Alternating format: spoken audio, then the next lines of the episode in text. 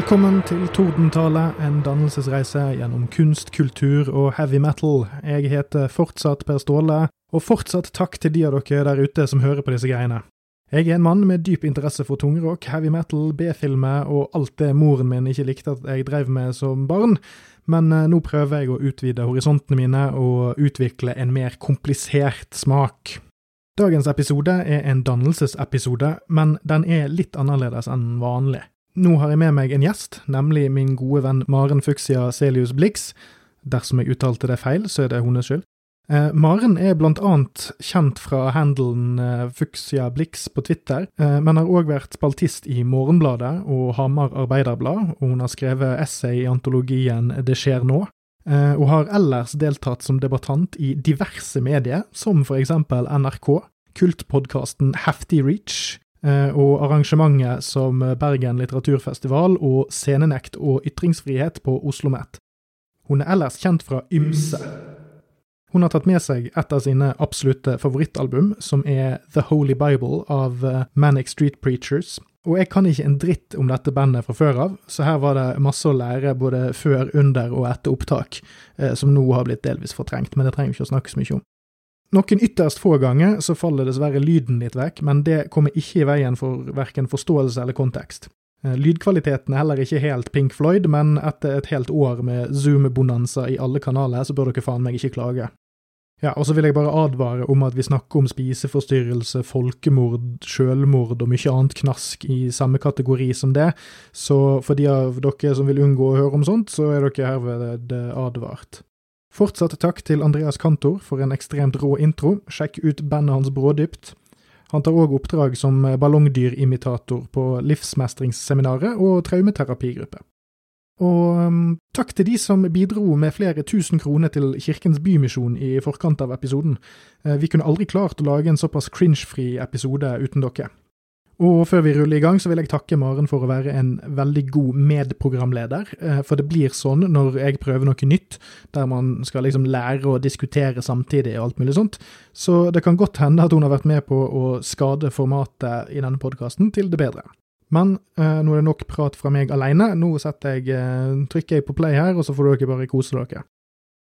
Tusen takk for at du har uh, kommet på besøk over internett, uh, Maren. Jeg setter veldig pris på at uh, du stiller opp som første dame ut på, som gjest på dette her litt sånn pussige prosjektet jeg har gående. nei, altså jeg er bare glad for å være her og glad for å være invitert til noe for en gangs skyld, så det, det er bare hyggelig. Sånn for å cut the crap og komme oss i gang, når jeg spurte deg om du hadde lyst til å være gjest på eh, denne podkasten her, så sa du ja med en gang, og så hadde du veldig klart hva du hadde lyst til å snakke om. For hele poenget med disse gjesteepisodene mine er jo nettopp det at uh, gjestene skal på en måte kunne få en slags blankofullmakt til å snakke om det de vil, så fremt det er litt lett å få tak i for meg å høre gjennom og, eller se gjennom og bli litt kjent med. Så det jeg eh, lurer litt på, er hva var det som gjorde at du valgte Manic Street Preachers og The Holy Bible? Hva er det som er greien med den platen til denne anledningen?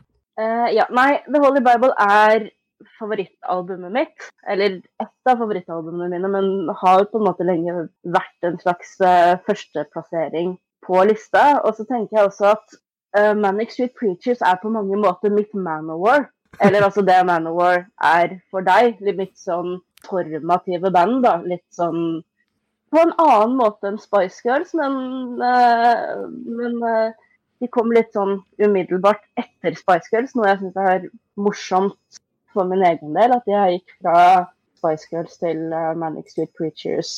Ja. Men for meg så er det jo veldig spennende å høre førsteinntrykket til noen som ikke bare ikke kjenner til den plata her, men noen som ikke kjenner til bandet i det hele tatt de som har litt sånn flyktig forhold til dem, liksom vet uh, hvem de er, forbinder dem kanskje med en litt mer tilgjengelig, radiovennlig voksenrock enn det du får servert på The Holy Bible. Så jeg har på en måte lyst til å få et ferskt innsyn, for jeg har jo det her så tettvevd inn i hjernebarken min at uh, å få et friskt perspektiv på det, det syns jeg er kjempespennende. Og så kan det også hjelpe meg, tror jeg, å avgjøre hvor mye av det som eh, er nostalgi, og hvor mye av det som bare er at jeg digger albumet rent musikalsk og eh, lyrisk sett. da. Og, og, på en måte rett og slett bare, bare få et perspektiv fra utsiden fra noen som jeg vet har godt forma og gjennomtenkte meninger om ting, og liker å sette seg inn i, ting. Jeg bare tenkte at det kom til å være spennende. Må ikke vi ta gleden på forskudd her? Uh, men uh, det er jo litt, er et kult perspektiv å ha, da. Og tusen takk for tilliten, for så vidt. Men, men jeg kjenner meg òg igjen i, i, i, litt den måten å tilnærme seg materialet på, fordi det er litt av motivasjonen for denne podkasten. Litt av den er noe av det jeg har savnet det siste året, og det er nemlig det der å liksom henge med folk og bare sette på ting på anlegget mens man drikker øl, og så bare mase om hva man liker med det. Det har jeg fått veldig lite av det siste året, og det er egentlig noe av det jeg prøver å fange litt med denne typen uh, gjesteopptreden, holdt på å si. Den her tingen med å kunne eh, pick each other's brains uh, en smule, og se litt sånn hva, hva er det man kan finne fram til, både for, både for din del og min del, holdt jeg på å si. Jeg hadde jo egentlig et spørsmål til deg om, om band hadde noe spesiell betydning for deg, men det har du jo svart på. Men du var inne på noe som jeg, kanskje kommer litt tilbake igjen til med de notatene jeg har tatt meg, men du nevnte det der med at eh, hvis, bortsett fra dette albumet her, så eh, assosierer nok de fleste Manic Street Preachers med litt sånn voksen radiorock. Det er litt morsomt at du sier, for jeg assosierer ikke de med noe som helst. Altså, I den grad jeg kjenner til bandet, så er det bare av omtale. Og om jeg, har kjent, om jeg har hørt en låt av de før, så har ikke jeg sjekket det ut nå, og jeg har ikke jeg, ikke, jeg, jeg, vet ikke om noe annet jeg kan ha hørt av de før jeg satt på dette albumet. Så sjøl det har ikke jeg på en måte noe forhold til. Er de store nok til å ha hatt hits som jeg har hørt om? Uh, I 1998 så slapp de If You Tolerate This, Your Children Will Be Next, som uh, definitivt var en ganske stor kommersiell hit. Eh, så, så den, den, og albumet den kommer fra, eh, er begge ganske godt kjent. Eh, albumet som kom før der igjen også, det som kom etter The Holy Bible, som vi skal snakke om nå, det var jo også man kan på en måte si at det var det kommersielle gjennombruddet deres. Men det var på en måte i 1998, da, da If You Tolerate This kom, at de ble nærmest et slags husholdningsnavn. Så mm. hvis du noensinne har hørt noe av dem før, så vil jeg nok sette penger på at det var dem. Nei, jeg, jeg, jeg nekter å tro det, for jeg tror det var omtrent uh, samme periode jeg begynte å intenst ikke følge med på ting og melde meg ut av samfunnet. Um, så, uh, så det, det, sier meg ingenting. Det kan godt hende at jeg hadde kjent igjen noe derifra hvis du hadde spilt av uh, At jeg hadde kjent av liksom osmose. Men uansett, det er ikke, dette er ikke jeg som skryter av hvor ignorant jeg er. altså Det er bare at jeg, jeg, jeg prøver å formidle til lytteren hvor blanke ark jeg faktisk stiller med her. Fordi det, det, må jeg nesten nevne litt nå før Jeg har ett spørsmål til før vi liksom hopper helt inn i eh, materien her. Men det jeg har, har kjent på, er at det er nesten litt urettferdig, men òg bra å få dette som liksom min første gjestedannelsesplate. Fordi på den ene siden så kunne jeg ha tenkt meg noe som var mye mer lettfordøyelig og lett å på en måte hoppe inn i. Hadde det vært en type mer sånn Hadde det vært en Eric Clapton-plate, eller ja, noe, noe, som var litt nærmere grunnbasisen til de sjangrene jeg vanligvis eh, herjer med, så hadde det kanskje vært litt lettere å gå på autopilot, da, og da hadde det blitt litt mindre stress, da. Men uh, det som er ja, nei, jeg er fullt klar over at det, det ikke var en, eh, en, veldig enkel hjemmelekse jeg ga deg med det her, men det koser jo jeg meg litt med. Det, det er en liten sadistisk stripe i meg som koser seg. Ja, altså det, det er en litt sånn her element configuration Hellraiser-pakke, føler jeg. Um, eh, jeg. jeg. hørte gjennom han sikkert fire ganger uh, mens jeg liksom gjorde ting i stuen og liksom fikset ting hjemme og sånn. Og det funket ikke i det hele tatt. Jeg, jeg, hørte det, men det er noe med den typen sånn postpunk-rock som hjernen min bare filtrerer vekk. Eh, så, så, jeg hører bare liksom altså gitaranslag og den der litt sånn kvinete vokalen, og, så ingen særpreg uh, flere ganger. Så jeg begynte å få litt panikk for hvordan det skulle gå her. Uh, men så knakk jeg en kode når jeg liksom fikk høre det med litt sånn isolerende hodetelefoner, og kunne konkret gå inn i hver låt og prøve å følge eh, variasjonene og litt sånt. da. Men sjøl da så måtte jeg sette meg ned og kikke på tekstene mens jeg hørte gjennom òg, så det var sånn Jeg har sikkert hørt fra start til slutt, så er det sikkert nærmere ti ganger jeg har hørt albumet, men jeg føler fremdeles ikke at det er så håndgripelig, eller halvparten av platen er litt mer sånn solid for meg nå, men jeg føler liksom at det er mye av materialet som sånn sklir ut mellom fingrene på meg mens jeg prøver liksom å koste det oppi en kasse her og, og analysere det. Så um, jeg er litt spent på hvordan dette går, men heldigvis så hørte jeg at du hadde skrevet masse notat òg, så jeg får håpe at det jeg ikke har å by på her, kan du fylle ut litt. Så jeg, jeg har troa på det. Men uh, hvis det overhodet er noen trøst, så, så, er det jo et veldig lite enkelt håndgripelig album. Det er uh, ekstremt tettpakka, og som du sier, så trenger man definitivt egentlig å ha tekstene foran seg minst én gang, tror jeg, for å i det hele tatt få tak i en eneste tråd der. Det er et ekstremt tekstbasert album, uh, og et som jeg nesten har vanskelig for å skjønne at det gikk an å tonesette i utgangspunktet. Så um, det er definitivt ikke du som har uh, dropped the ball uh, her, hvis du føler at uh, du ikke egentlig har fått helt taket på det.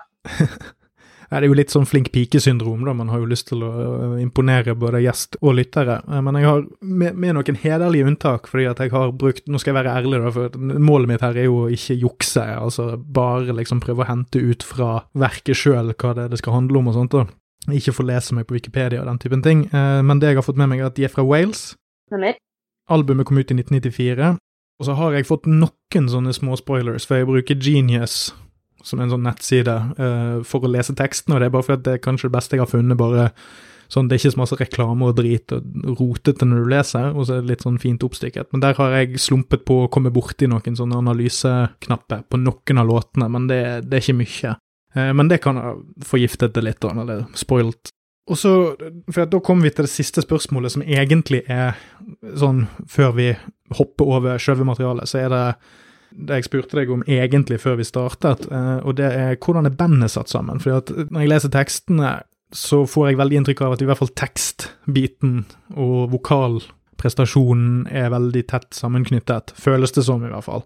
Eh, og da lurer jeg på, altså er dette her én fyr sin visjon, eller er, er det en, en, gruppeinnsats? Altså, det er jo alltid en gruppeinnsats, men er det noen som har vært liksom primus motor for tekst og subtekst, da?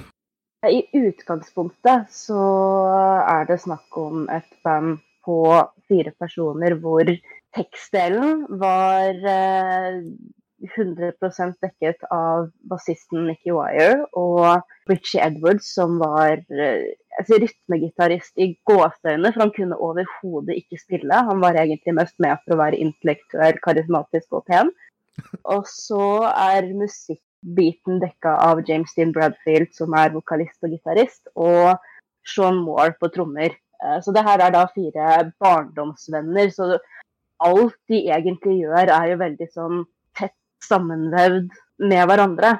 Eh, mm. Men det som skiller The Holy Bible fra albumene de hadde kommet med tidligere, det er at der tekstene tidligere hadde vært 50-50 mellom Nicky Wire og Richie Edwards, så 80% Richie Edwards. Det er kun to av låtene på den plata her som er uh, skrevet av Nicky Wire. Så man kan nok på alle mulige måter kalle det albumet her Richie Edwards sitt manifest, og det gjenspeiles egentlig i tittelen også. Han hadde vel en visjon om at dette skulle være i hans øyne et, et perfekt album. Et, uh, ja, altså Som nevnt, et, et, et manifest. Så på mange måter kan du kalle The Holy Bible én manns visjon, eh, iallfall tekstmessig. Men mm. uh, han hadde egentlig ingenting å gjøre med utformingen av selve musikken.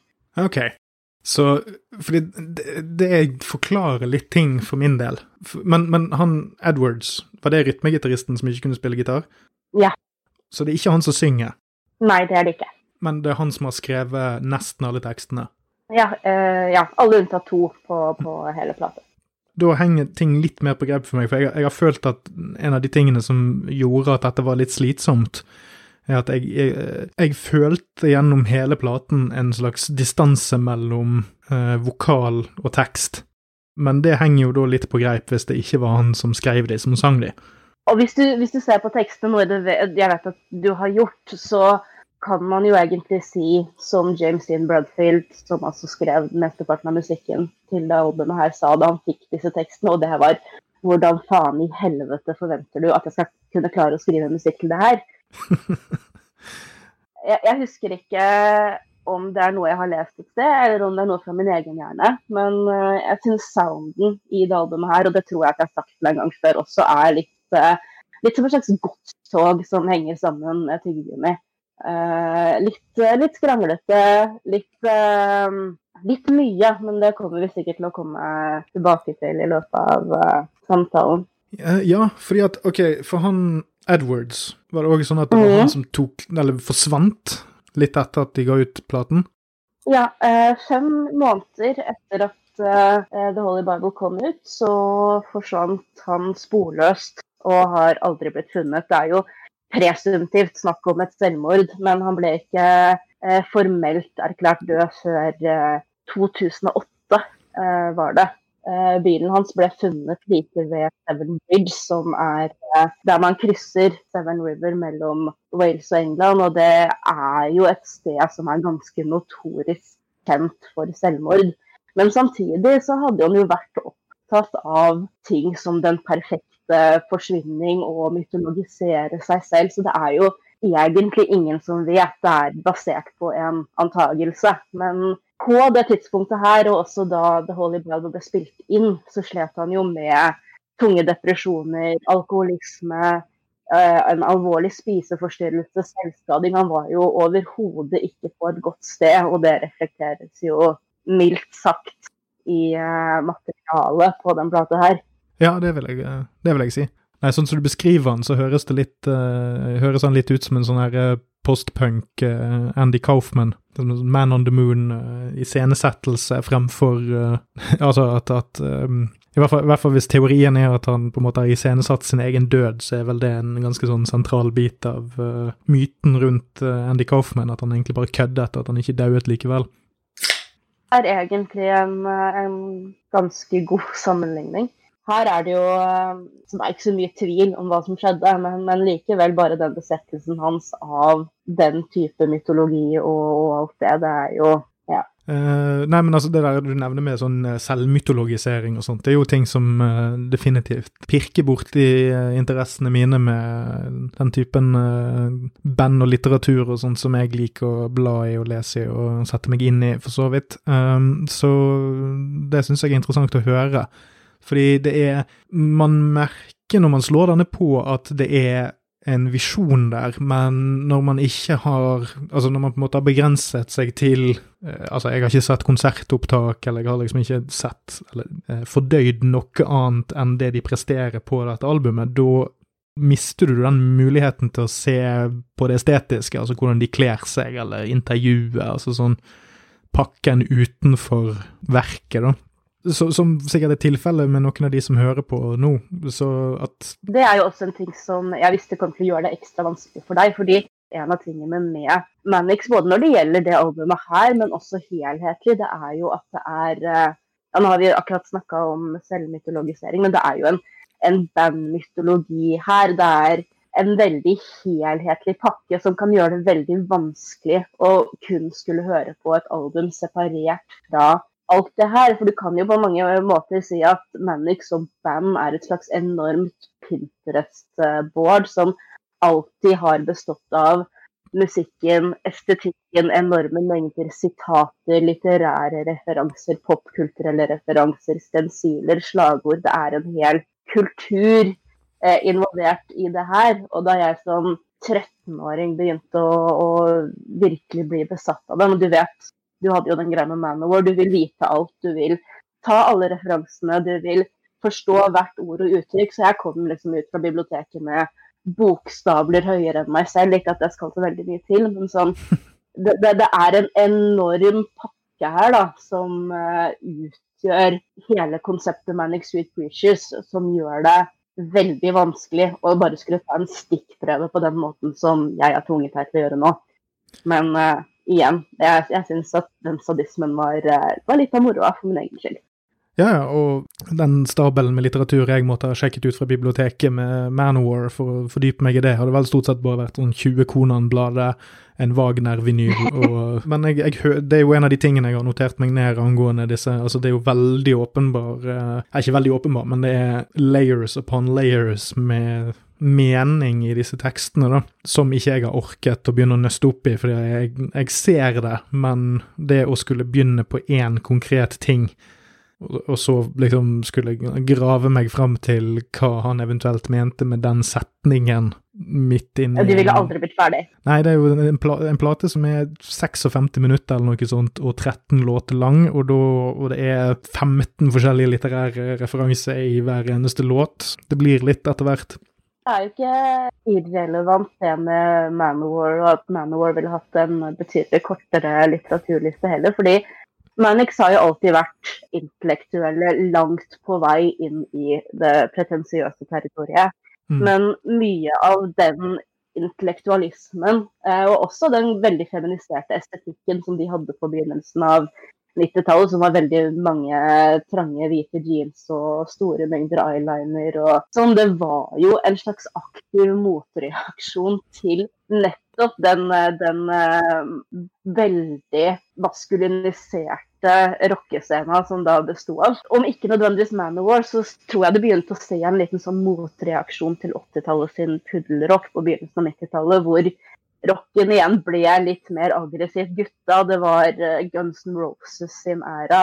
Og mm. jeg tror Mannix bare hadde ekstremt lyst til å være en motvekt til det. Altså For all del, de var enorme Guns N' Roses-fans, så det er ikke det. Men, uh, men, men, de kjørte jo veldig ekstra hardt på den uh, intellektuelle, feminiserte greia si. Jeg fikk holdt på å avbryte deg og si sånn Å ja, de er litt sånn som Twisted Sister. ja, det kan man si. Nei, for, det, for det, jo, for det, var, det, var, egentlig det jeg hadde tenkt å kommentere på. For det er jo tidlig 90-tall er jo der på en måte den feminiserte men macho-rocken dør og blir erstattet med den her eh, lidelsesrocken til eh, Nirvana, for eksempel. Um, som jeg, jeg syns at Manix virker Altså, jeg sier ikke at det er som Nirvana, men jeg merker at det er en plate som kom ut og på en måte konkurrerte på samme samme del av musikkscenen, holdt jeg på å si. Eller samme tidspunkt i historien. Uh, selv om jeg ville sagt at dette her er jo vesentlig mer litterært tungt og brifete, for å si det mildt, enn det Nirvana sine tekster noensinne var. Ja, absolutt. På alle nivåer 100 om on the money. Du, du kan få en, en, fun fact før vi eventuelt uh, gyver løs på de konkrete låtene. Mm. Uh, min fun fact er at uh, dette var på en måte plata som uh, Daniel Radcliffe brukte for å komme inn i det veldig veldig mørke sinneleiet til Harry Potter da de skulle spille inn Deathly Hallows. Det, det, er min fun fact til deg. Så jeg tror han, han satt i et mørkt hjørne og hørte på det her og, og, og gråt da han var kanskje sånn 18-19. Så da vet du det. Det, der er så jævla symptomatisk for alt som er feil med de filmene der. Nei, men Skal vi bare begynne på låtene, da? Skal vi gå gjennom de bare Ja, så, så åpningssporet, det, det, heter jo Yes. Er, de bruker jo, som du har nevnt, en del samples, uh, sitater etc. Så jeg skal prøve der jeg husker, å gjengi hva de uh, enkelte låtene har av det. Men Yes begynner jo med uh, lydklipp fra en uh, dokumentar om sexindustrien i New York. Mm. Og det låta i det store og hele koker ned til, det er jo kapitalismekritikk med ideen om store deler av livene våre som transaksjonelle, da, på lik linje med sexarbeid. Og det er jo noe vi ser veldig mye i, uh, i rundt sexarbeid nå. At hvorfor har vi dette skarpe skillet mellom øvrig lønnsarbeid og, og sexarbeid som å eh, gi spesifikt om musikkbransjen. Men, men, det er jo også, igjen, det handler om eh, det meste vi foretar oss som forbrukersamfunn og å selge ut, hvor alt er til salgs. Det finnes for så vidt ingen grenser dersom du bare har makten og kapitalen. Og at eh, vi, vi, alle til en eller annen viss grad selger, uh, selger, oss selv, selger ut. Ja, den, det åpningssampelet er jo veldig sånn tydelig uh, creepy. uh, og ja. Så jeg, man plukker jo opp det, og det er ganske tydelig når man ser på Nå skal jeg prøve å få opp teksten, sånn at jeg vet hva jeg snakker om. Sånn, altså den, den, er veldig sånn her Den er i hvert fall litt tilgjengelig, men den er jo på òg noen måte Altså, du kan, du kan sant? Altså, jeg, jeg, er helt enig i at eh, prostitusjon altså det er, jo, det er jo egentlig en et veldig kjent metafor, for det er jo egentlig det man mm. sier om alt. det er jo, 'Å ja, du prostituerer deg for penger', altså ja, jeg selger meg ut for ting'. sant? Altså, det er jo den her forakten mot spesifikt det å selge kroppen sin, eller selge seksuelle tjenester. sant? Eh, at man bruker det som en sånn nedverdigende omtale av ymse arbeid som enten du er for god for, eller som, ja, som ingen egentlig burde gjøre, som man snakker om. Sant? Og det ender jo òg opp med altså Når man bruker den typen uh, språk, så ender man jo òg opp med liksom, å gjøre folk deprimerte, for du, du anklager dem egentlig indirekte for å ikke være verdt noe, fordi at de bruker tiden sin på ting som du ikke respekterer eller har noe respekt for. Men jeg vet ikke om jeg hadde klart å hente det helt ut av denne teksten, fordi det er så Her kommer den her layers upon layers-biten inn. Så, og for eksempel litt sånn her Det er jo, det er jo litt sånn her transreferanse. Jeg, jeg, altså, jeg vet at det ikke nødvendigvis er ment som det, men hvis man liksom leser teksten uten å ha tatt 20 vekttall i uh, Manics tekstanalyse, så, så er det veldig mye av disse Mange av tekstene har en sånn overflatefølelse som gjør at det blir veldig vanskelig å få grep om hva det er vedkommende prøver å si. Så noe av det kan virke veldig litt vel inni eh, øynene på den som på en måte snakker. At det er vanskelig å separere kunstneren sitt poeng fra måten han gjør poenget på, om det henger på grep. Ja, ja, i aller høyeste grad. Og jeg var også egentlig ganske forberedt på at du kom til å nevne akkurat den delen også. Mm. Eh, fordi med dagens øyne så er det jo den mest naturlige tingen i verden å trekke en parallell til trans når det gjelder akkurat den tekstlinja, som er eh, He's a boy, you want a girl, so tear off his cock tie his and bunches fucking call him Moira if you want. ikke mm. sant? Mm. Det, det, og det er jo ikke en refleksjon gjort om hvordan uh, eh, kjønnsinkongruens eller, eh, eller, eller, trans, på en måte. Ment som en kommentar til trans i det hele tatt. Det handler jo kun om hvordan kjøpekraft og makt eh, gir deg mulighet til å gjøre akkurat hva du vil. Men selvfølgelig, med dagens øyne, dagens diskurs, så vil man med den største naturlighet eh, trekke paralleller til det. Så, mm. så, det var jeg egentlig eller hadde jeg egentlig håpa på at du også kom til å nevne meg. ja, men også, så vil jeg jo òg si det at jeg feller ikke noe dom over dette her som et verk sånn sett, men det er et når jeg kaller det et problem, så er det mer et slags ja, altså forståelsesproblem enn at det er et problem at det står der. Altså, jeg eh, Det, altså, det, er ikke, det er ikke sånn at jeg har noe sånn 'Å nei, de skrev det, derfor var det teit', men, men det er sånn det, det gjør òg at altså Når tekstene er så heavy som de er, så blir det òg veldig mange påstander som kastes ut hele tiden, og så blir det veldig vanskelig å følge den røde tråden som burde vært der. Og noe av det òg, der vi snakket om at det er jo ikke, er ikke forfatteren sjøl som leser. Og det tror jeg gjør òg at det blir en enda større disconnect mellom tekstuniverset og liksom stilen generelt. da. Mm. Det, den er jo òg veldig lett. Det er en litt sånn dissonanse som er litt kul, syns jeg, da. Altså, den blir litt sånn surfe, surfesang, nesten. Altså, den svever av gårde. En sånn sommerhit om prostitusjon. Spent på, på, akkurat det, fordi det her er jo en av de tingene som gjør uh, at jeg er veldig glad i å få det perspektivet. Fordi jeg, jeg, er også veldig glad for at du nevner det med sånn spesifikt sommer. Fordi jeg har, når du tenker på det helt rent musikalske i den låta her, hvis du ser bort fra teksten og sånn, så mm. er det et eller annet med den som jeg synes er veldig Altså, den, den er lett, på en måte. Den er kanskje en av de mest tilgjengelige melodiene på plata. Men det er noe som, som jeg oppfatter som lummert ved melodien. Gir det mening i det hele tatt for deg?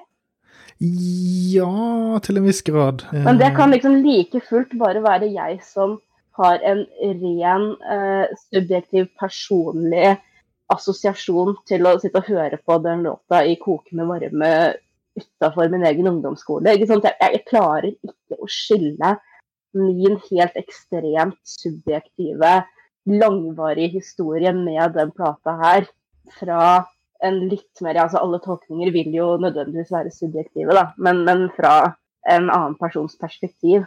Ja, men altså, når jeg, jeg skrev, skrev, ned det notatet der fordi at det er det er sånn det føles når jeg hører det. Altså, det er, det er, en, det er en, låt jeg føler er veldig sånn gå på ungdomsskolen, og så er det noe som er populært, som mange folk setter på ute i skolegården på en bærbar CD-spiller-type.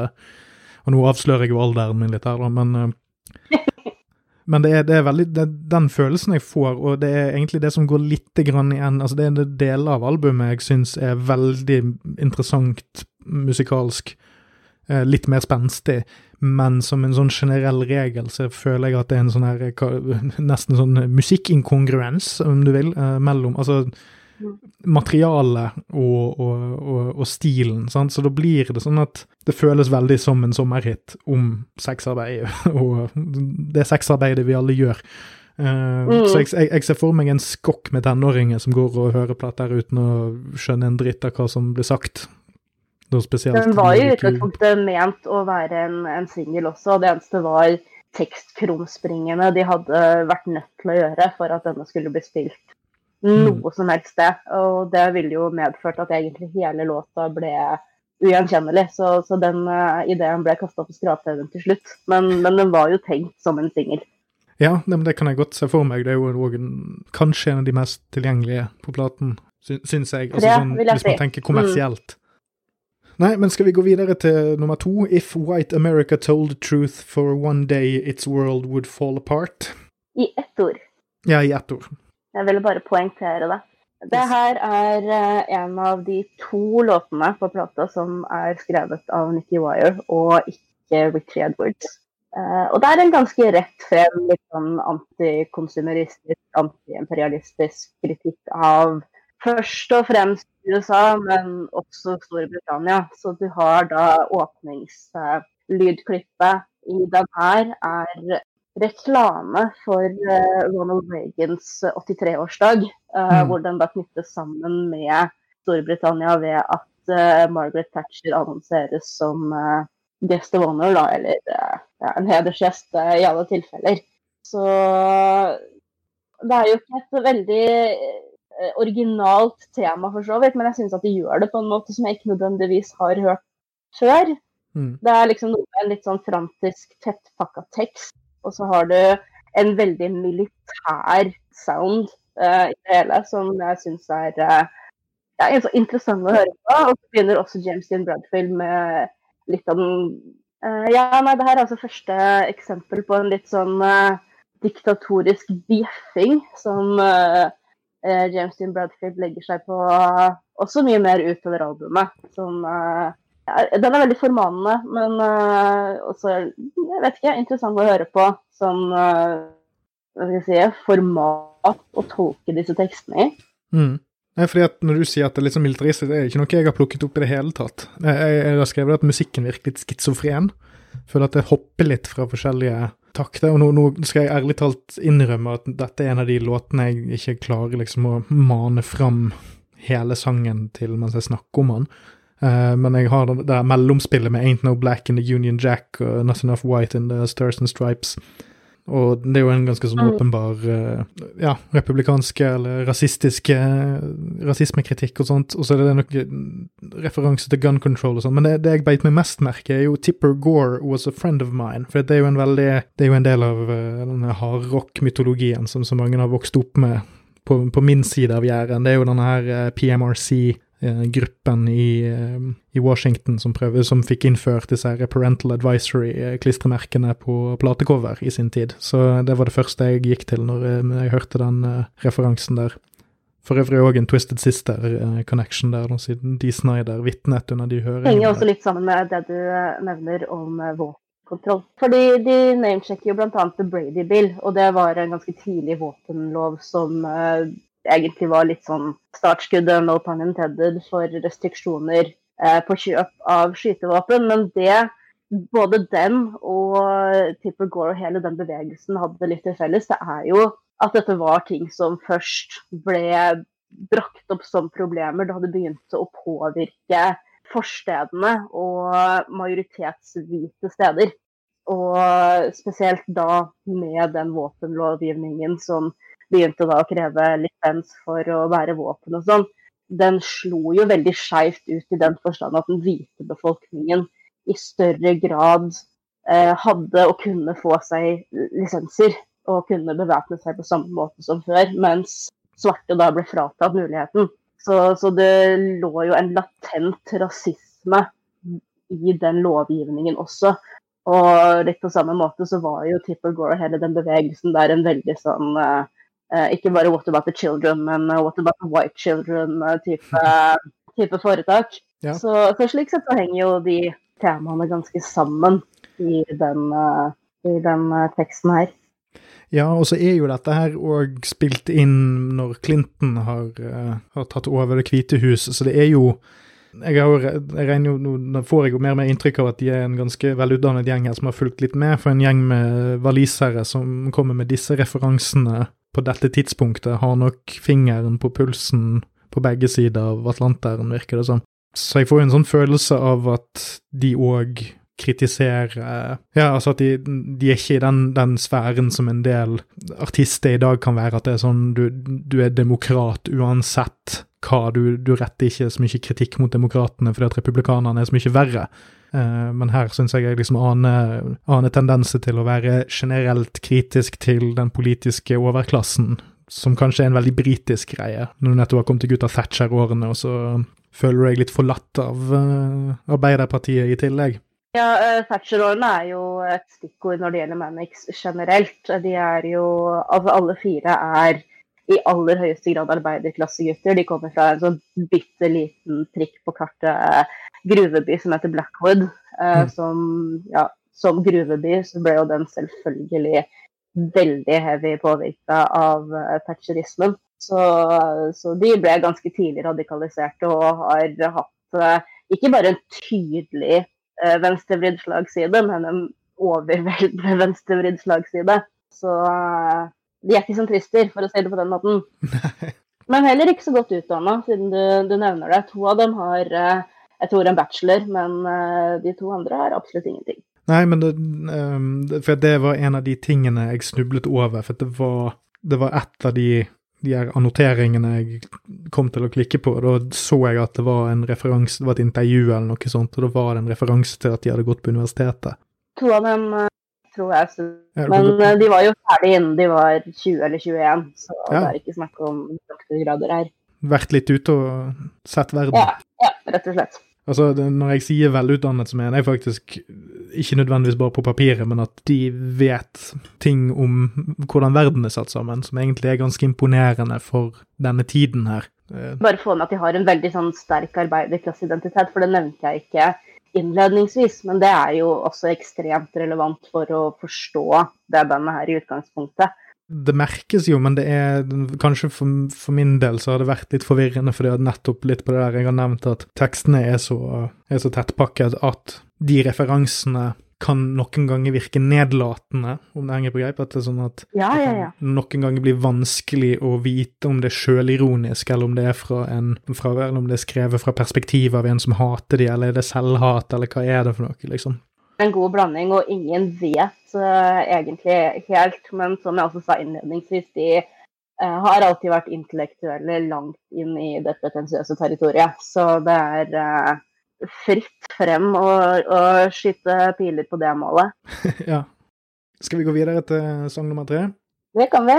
Nei, fordi um, den samplen som begynner der, er jo Det blir Of Walking Abortion, det. Ja, på den ja. samplen som begynner der, så er det en fyr som sier at hvis han Han vet to ting. At hvis han dør, så hadde han for det første angret på alt han har gjort, eller mener at han har levd et meningsløst liv, men han ville òg ha levd det på nytt. Så ja, men han, han vil uh, insinuerer at han ville gjort ting annerledes. Det er Jeg prøver å huske navnet men det er han som skrev 'Requiem for a Dream', altså boka uh, 'Requiem for a Dream'. Mm. Uh, det er uh, Hubert Selby uh, tror jeg han het. Jeg har, jeg har, gjort en litt sånn greie med meg selv hvor jeg skulle gjøre minst mulig forarbeid, nettopp for å, å se litt uh, si, nøyaktig hvor uh, dypt i uh, fiberne av hele mitt vesen jeg egentlig har det albumet her. For jeg føler meg trygg på at jeg kan, jeg kan fint snakke om det og holde en dialog, men uh, prøvd, så, prøvd å i minst mulig grad sjekke opp noen detaljer. Men, men ja, eh, jeg tror han heter Selby, og det er da et uh, sitat fra et intervju med ham. Ja, for jeg, jeg, jeg tolket det opprinnelig som at Eller det kan godt hende at det går an å lese det sånn som du sa det, det, det, og jeg sier ikke at det er feil heller, eh, eller at jeg har rett, eller sånt, men jeg, jeg tolket det som at man alltid har lyst til å gjøre noe annerledes, men det virket nesten som en litt sånn her defatistisk sånn her Hadde jeg levd på nytt, så hadde jeg nok Jeg ville ha levd et skittig liv en gang til. heller enn å dø. Det gir faktisk mye mer mening sett opp mot uh, teksten på låta. Så her vil jeg definitivt egentlig gi deg rett. Uh, at det rett og slett bare ikke er uh, noe jeg har tenkt over før. Mm. Så Nei, men jeg, jeg, tror, jeg tror, din tolkning gir mye mer mening. Du har den låta her, altså 'Walking Abortion', tittelen, mm. er um, en referanse til uh, et utsagn fra Valerie Solanas, hun som skrev The Scum-manifesto og kanskje er aller mest kjent for å skyte Andy Warhol. Oi. Og det hun da sa, var at uh, det, altså det, mannlige kromosomet er et ufullstendig kvinnelig kromosom. Og slik sett er uh, menn vandrende aborter, uh, som også er en ting å si. låta handler derimot ikke om altså, kjønn, men, men om autoritarianisme og en sånn iboende trang veldig mange mennesker har til å liksom bli sosialt og politisk dominert. Da, og kunne ignorere og fortrenge ganske mange grusomheter, mye ondskap og maktmisbruk i bytte mot den kanskje falske tryggheten som uh, den typen styre medfører. da. Ja, for jeg, akkurat det der tenkte jeg litt på. den det er jo den greien med den her shalom-saken i refrenget eller noe sånt. Da fikk jeg meg til å tenke på sånn arvesynd på et eller annet slags vis. Jeg vet ikke helt hvorfor. Det er bare et eller annet med måten det er knyttet sammen med den her walking abortion-tittelen og bare det der hebraiske hallo-begrepet. Uh, jeg klarer ikke helt å sette ord på hvorfor, men det var bare en sånn vibb jeg fikk. Men det er den der uh, linjen med 'The massacred innocent blood stains us all'. Uh, også den her repeteringen av 'you fucking are responsible', eller 'responsible you fucking are', eller hvordan denne linjen gikk. Ja, 'who's responsible you fucking are'. Fordi det er jo i all hovedsak ment som en ansvarliggjøring av enkeltmennesket for hva vi da, som jeg nevnte, er på en måte villige til å fortrenge i bytte mot komfort. Og her vil jeg egentlig dra inn et sitat som vi finner i midten av låta 'Mausoleum', som vi kommer til senere.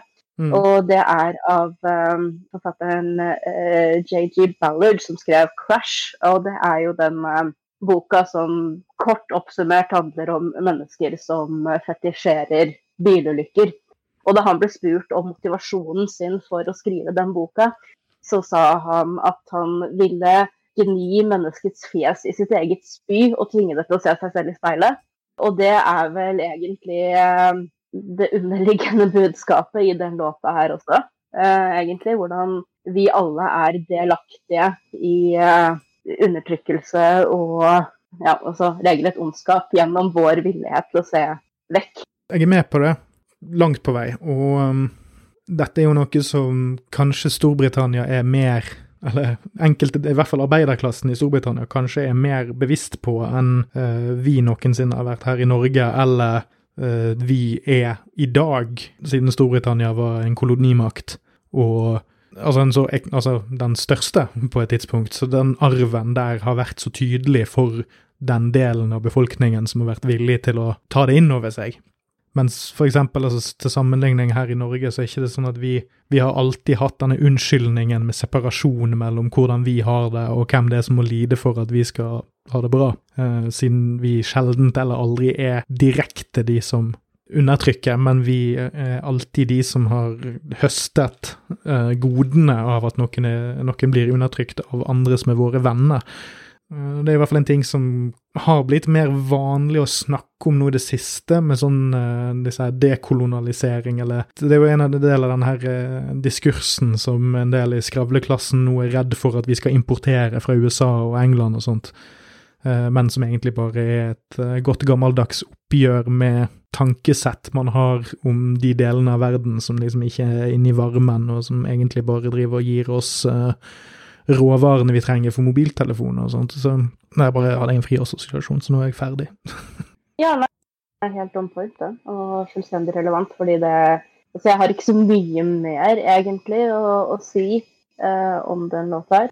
Ok, men da har vi kommet til låt nummer fire, 'She Is Suffering'. Da kan jeg starte litt med hva mitt inntrykk av den var. og det er jeg liker denne gitarklimpringen på starten, og så får jeg en sånn, får en sånn underveis en litt sånn load-era Metallica-aktig eh, inntrykk av Det er noe med midtseksjonen der med gitarspillere som er litt sånn her eh, sånn eh, Metallica har lyst til å være alternativ-aktig.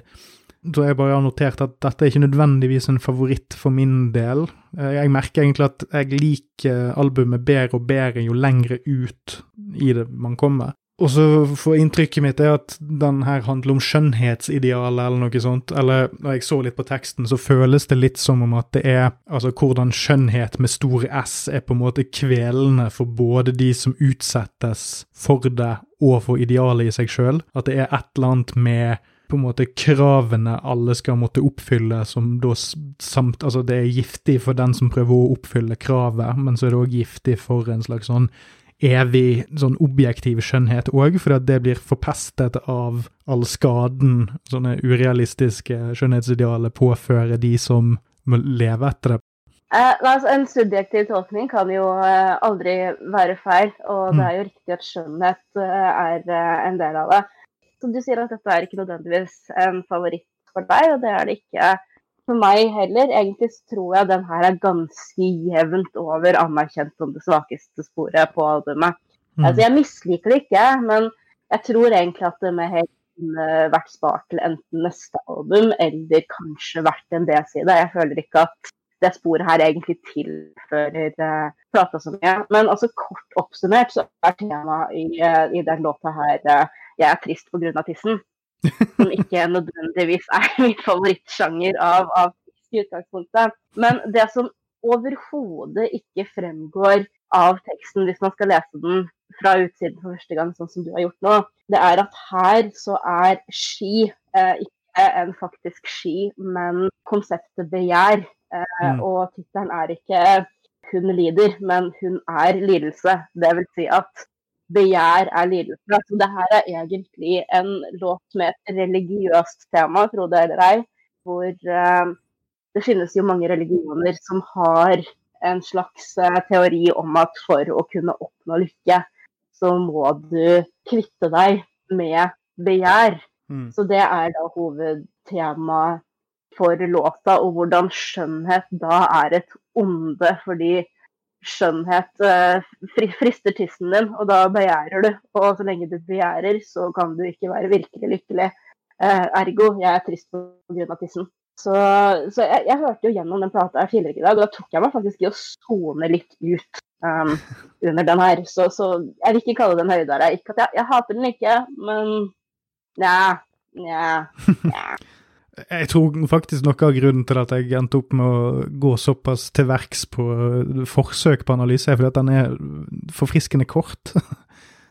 det er veldig få ja, altså, den er, den er, lett tilgjengelig. Altså, mm. selv, om, eh, selv, om, den tiltenkte meningen med teksten egentlig ikke er tilgjengelig for noen som ikke uh, har en, en, master i Manix, så, så er det på en måte en den er enkel. Relativt enkel. Uh, melodien er relativt enkel. Det er uh, en låt som kan være og var en singel, på en måte.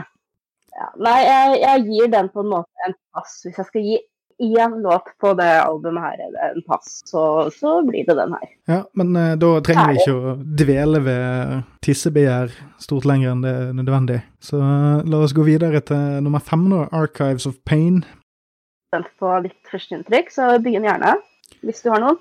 Ja, altså her, her, begynner vi å komme litt nærmere min, min del av uh, rocken. Fordi den introen der Jeg er jo egentlig Ja, jeg, jeg er jo en, en bassist, holdt jeg på å si. Jeg er veldig glad i Altså, jeg har òg litt bakgrunn med én type bass, jeg skal ikke si hvilken sjanger.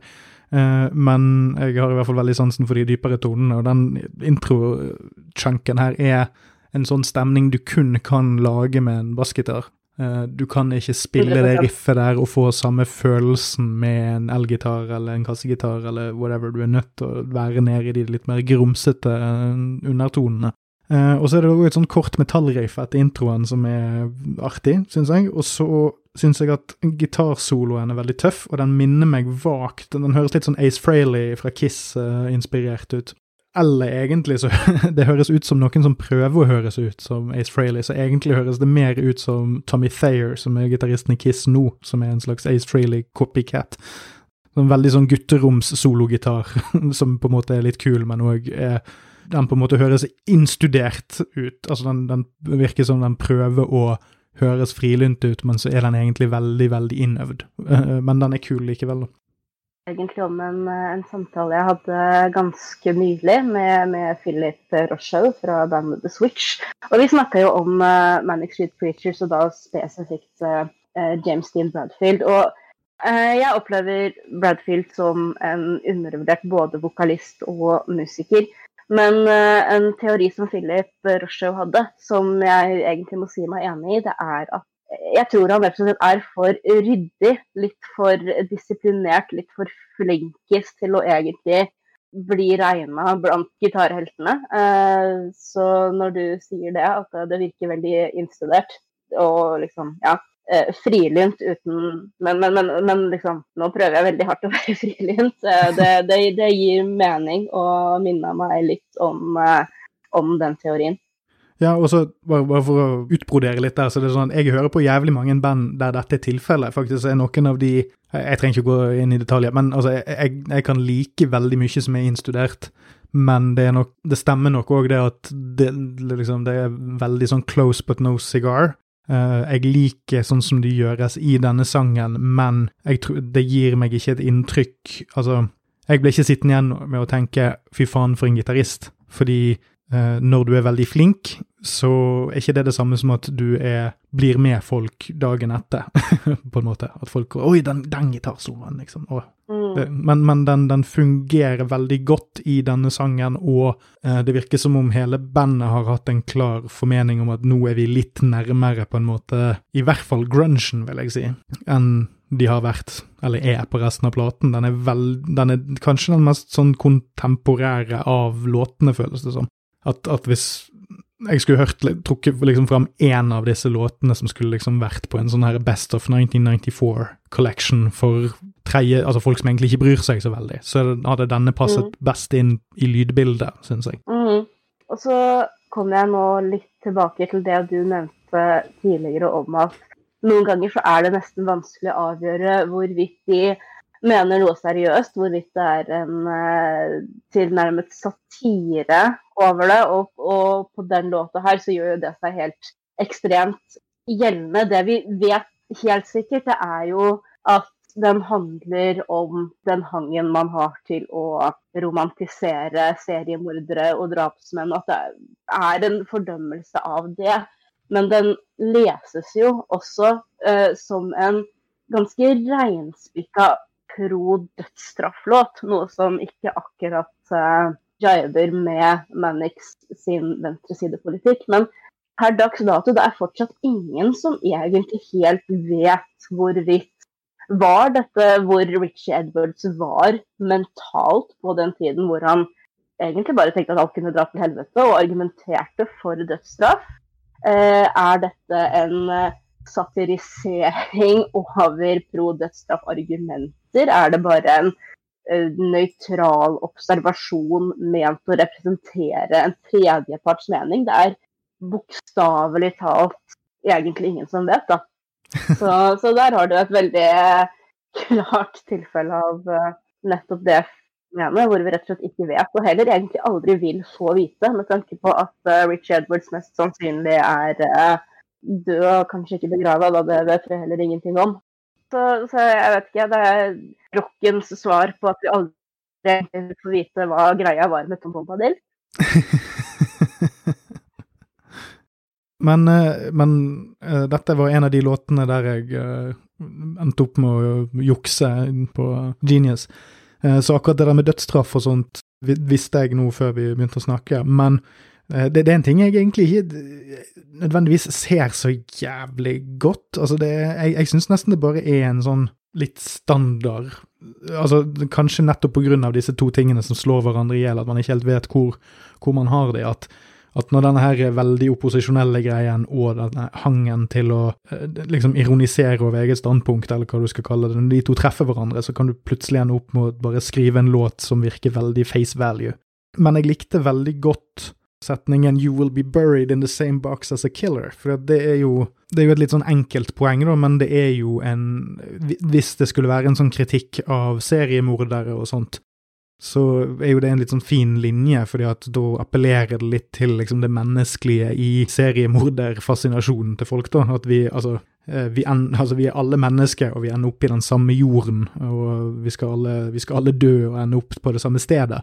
Eh, så denne fascinasjonen vi har for drapsmenn, eller hva enn, eh, er nok eh, mer menneskelig enn vi har lyst til å tro, om jeg skulle jazze videre på det lille jeg, jeg så der. Det med, med, litterære referanser, for her kommer vi også til en, en del som jeg har nevnt så vidt i forbifarten for deg. Også selve, selve tittelen jeg husker ikke om den kommer om det er et begrep som et, brukes i, i, en av bøkene til uh, Foucault, eller om det er fra en Foucault-biografi. Det spiller egentlig for så vidt ikke så veldig stor rolle. Eh, men den trekker også en del inspirasjon fra, fra opprøreren av Camus, som også det, det, det, handler da veldig mye om menneskets behov for å utøve straff. altså, ja, jeg gidder ikke gå inn på det engang. Men det jeg leste litt i forbifarten, det, er, eh, det gjelder en linje som eh, går 'All I preach is extinction'. Mm. Uh, og der var det noen som sa at det minnet dem litt om uh, disse dark judges fra Judge uh, Dredd-universet. Kan, kan, du hva, hva, er greia med det? Jeg som ikke har lest noen av disse historiene. er det noe du kan gi meg innsikt i? For jeg forsto det da som at Dark Judges hadde utrydda eh, befolkningen på hele sin egen planet, nærmest som et sånn eh, kriminalitetsforebyggende tiltak. Hva, har du noe innsikt der? Ja, for, for lytteren sin del så kan vi jo nevne at Judge Dredd er jo et tegneserie fra England. Kanskje den største kult-tegneserien som kommer derifra. Og så er det jo en sånn, egentlig en parodi på amerikansk rettsvesen og masse sånt. Det er jo egentlig fascisme satt i systemet i en sånn sci-fi-setting. Der du har disse dommerne som Altså, i fremtiden så har man avskaffet rettssystemet, så da er det judges, de er dommer, jury og Budley etter, så det er liksom politifolk som har lov til å henrette deg på stedet hvis du har eh, sneket på trikken og sånn. Men eh, jeg har lest den storyen om Dark Judges en gang, uh, men det er lenge siden. Men sånn som jeg husker det, så tror jeg det er sånn at det er sånn parallelt univers eller noe sånt, der istedenfor at uh, lover og regler er sånn som det er her i vår verden, så er det det at det er ulovlig å leve. Jeg tror det er noe sånt, eh, sånn her litt sånn absurdistisk, eh, morbid, eh, men òg litt sånn klassisk sånn tegneserie-superskurk-motivasjon, holdt jeg på å si. Det er vel, jeg tror Darkside i DC-universet er jo òg på utkikk etter det han kaller the anti-life equation, som er en sånn matematisk formel som skal bare utslette alt liv fordi at han er så ond. Så jeg vet ikke hvordan det eventuelt skulle knyttet inn i, i tolkningen det at um, det ville på en måte ikke overrasket meg dersom det kunne ha vært en direkte inspirasjon til, til f.eks. den linja det med, med, å faktisk bare eh, ville utrydde hele menneskeheten for å, å, forhindre kriminalitet. Jeg vet jo at Rich Edwards var en stor fan av uh, Judge Dredd, og det er en helt konkret referanse også mm. til uh, Judge Dredd senere på, på, albumet. Så jeg ville egentlig bare spørre deg hva greia var med disse nevnte Dark Judges, bare siden jeg har sett dem nevnt i forbifarten. Fordi jeg, visste ikke hva det ville si, og da ville jeg heller uh, spørre deg enn å kikke nærmere inn i det. Men det var bare en liten, liten digresjon. Og jeg synes også det vil være litt morsomt å, å ha det som referanse oppi alt dette eksistensialistiske osv. Alt dette pretensiøse greiene som de driver med. Dette har jo gått meg hus forbi, så jeg er ikke så Jeg er ganske basic Dread-fan, for å si det mildt. Men dette er jo en del som Altså, er du født og oppvokst på 60-70-tallet i England og var spesielt tenåringsgutt, så har du sikkert forlest deg veldig på Judge Dredd. Så det, det er jo litt morsomt hvordan sånne ting sniker seg inn uh, ulike steder. Men uh, da går vi videre til sang nummer seks, Revol. Revol, mm. ja. Ok, så altså Ingen vet hva den låta her handler om. Altså, så bokstavelig talt ingen vet den namechecker jo en del sånne politiske ledere. Jeg tror hele første vers består utelukkende av ledere av det kommunistiske partiet i Sovjet. Eh, og så kommer da, etter navnet deres, kommer mer eller mindre etterrettelige referanser til liksom, kjærlighets- og sexlivene deres. Men det, vi, vi vet på en måte ikke er det relasjoner, romantiske eller politiske relasjoner, som på en måte alle med ganske bred pensel males som håpløse? Eller er det et slags take på at politikere, i kraft av å være det de er, er ute av stand til å ha normale, sunne relasjoner? I min erfaring ikke usant. Eh, men altså, kanskje begge deler. Det er altså, altså bokstavelig talt ingen vet. Så eh, jeg er spent på hva ditt take er. Um, det finnes ingen fasit. Det finnes ikke. Sånn, sånn på det musikalske så har jeg skrevet ned sånn Å, dette er easy listening skatepunk. Og så um, har jeg notert meg at det er kul gitarsolo igjen, uten at jeg mm. klarer å manifestere den uh, veldig langt fremme i uh, hjernen uh, nå. Men det var dette med at det går fra Sovjet Minus disse to gamle gubbene som døde mellom uh, Brezjnev og Gorbatsjov, eller hvem det var. Men det, det er hele gjengen frem til Gorbatsjov, i hvert fall. ikke det? Og så er det, er noe referanse til Lebensraum uh, og kulturkamp. Og så er det det at det knyttes inn til Napoleon og Chamberlain. Så ja, det Jeg fikk liksom om jeg liksom skulle valgt én låt på dette albumet som jeg følte var mer poserende enn de andre, så ville det nok vært denne. Fordi den, den virker litt sånn fornøyd med seg sjøl, tilsynelatende uten grunn. Eh, ikke det at det er liksom en kjip eller kjedelig låt eller noe sånt, men det føltes veldig som om at det var det punktet der referansespillet på en måte sluttet å fungere, eh, og at det på en måte ble litt sånn ordsalat. Men det er sånn, sånn ja, her assosier, her, her, prøver vi å slenge ut assosiasjoner til ting, og så skal du fylle inn hullene, men så er det liksom ikke så mye mer å fylle inn. Ja, det er ganske overlappende med det, det jeg, jeg føler også. Altså, Om ikke annet, det referansegamet her fikk meg ganske egenhendig, tror jeg, gjennom historie og samfunnsfag på, på ungdomsskolen. Sånn apropos det å sjekke ut alle referansene og, og lære alt. Det, det, her er kanskje vanskelig å tro, men 14-åringen eh, som hadde det albumet her som, eh, som, favorittalbum, var kanskje ikke sånn 100% i uh, sånn psykisk stabilt leie. Så jeg hadde jo en del fravær. Men, men, men takket være dette referansegamet her, så klarte jeg faktisk å komme meg gjennom de relevante fagene. Så om ikke annet, så, så kan, vi, kan, vi, gi Revol det poenget, da.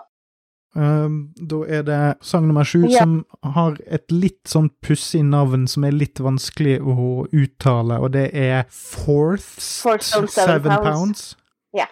Den låta handler jo, når du kommer inn i den, veldig åpenbart om uh, anoreksi. Og jeg vet ikke hvordan det er nå. Jeg vil, jeg vil tenke meg at uh, de kanskje ikke opererer med så bastante greier lenger. Men på dette tidspunktet så var Four stone, seven pounds, som jeg tror vil tilsvare omtrent 28 kilo. Det som på en måte var eh, ansett som vekten hvor det vanskelig var noen annen utvei for pasienten enn døden på, på det tidspunktet. Så du har jo da den låta er basert på Richie Edwards egne erfaringer med spiseforstyrrelser, og prøver egentlig å, å nå uh, det punktet. da.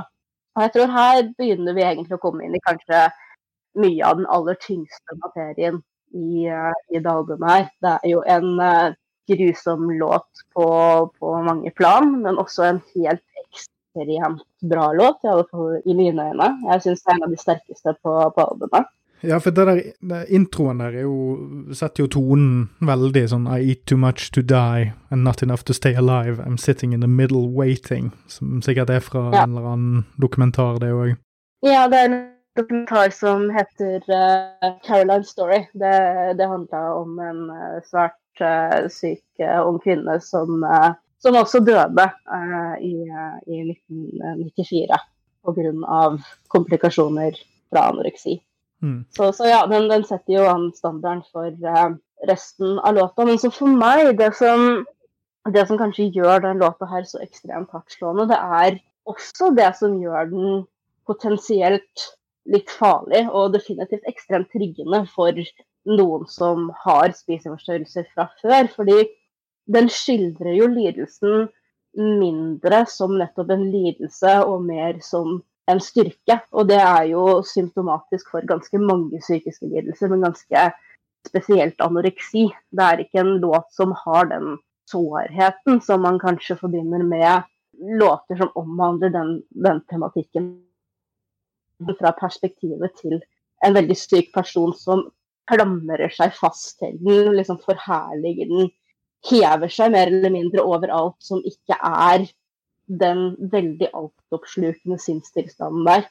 Eh, og du har også da en veldig tilsvarende insisterende melodi på en måte helt frem til slutten, hvor energien på en måte ebber ut av, av melodien og vokalen idet jeg-personen i låta når nevnte vekt. Så den er, den er, den er jævlig eh, den er jævlig heavy. Ikke, ikke noe du, du setter på på vors. Når du tydeligvis ikke på de samme forsene som meg. Nei, men det, det, er litt morsomt, det, eller ikke morsomt, men altså litt eh, interessant det du sier om hvor triggende det kan være. For jeg syns jeg vet ingenting om hvordan det er å være, eller ha noen som helst form for spiseforstyrrelse. Så for meg så fremstår no, Altså, det er ingenting med dette her som virker forherligende, men samtidig eh, eh, Det jeg føler det virker som, er nedlatende. Altså kanskje det er sjølhat eller noe sånt òg, da, men, øh, men det, det når, du, når, du, sa det, så ser jeg det jo for så vidt lite grann på slutten her med det her, øh, de siste tre linjene som er sånn Such beautiful dignity and self-abuse. Uh, I finally come to understand life through staring blankly at my navel.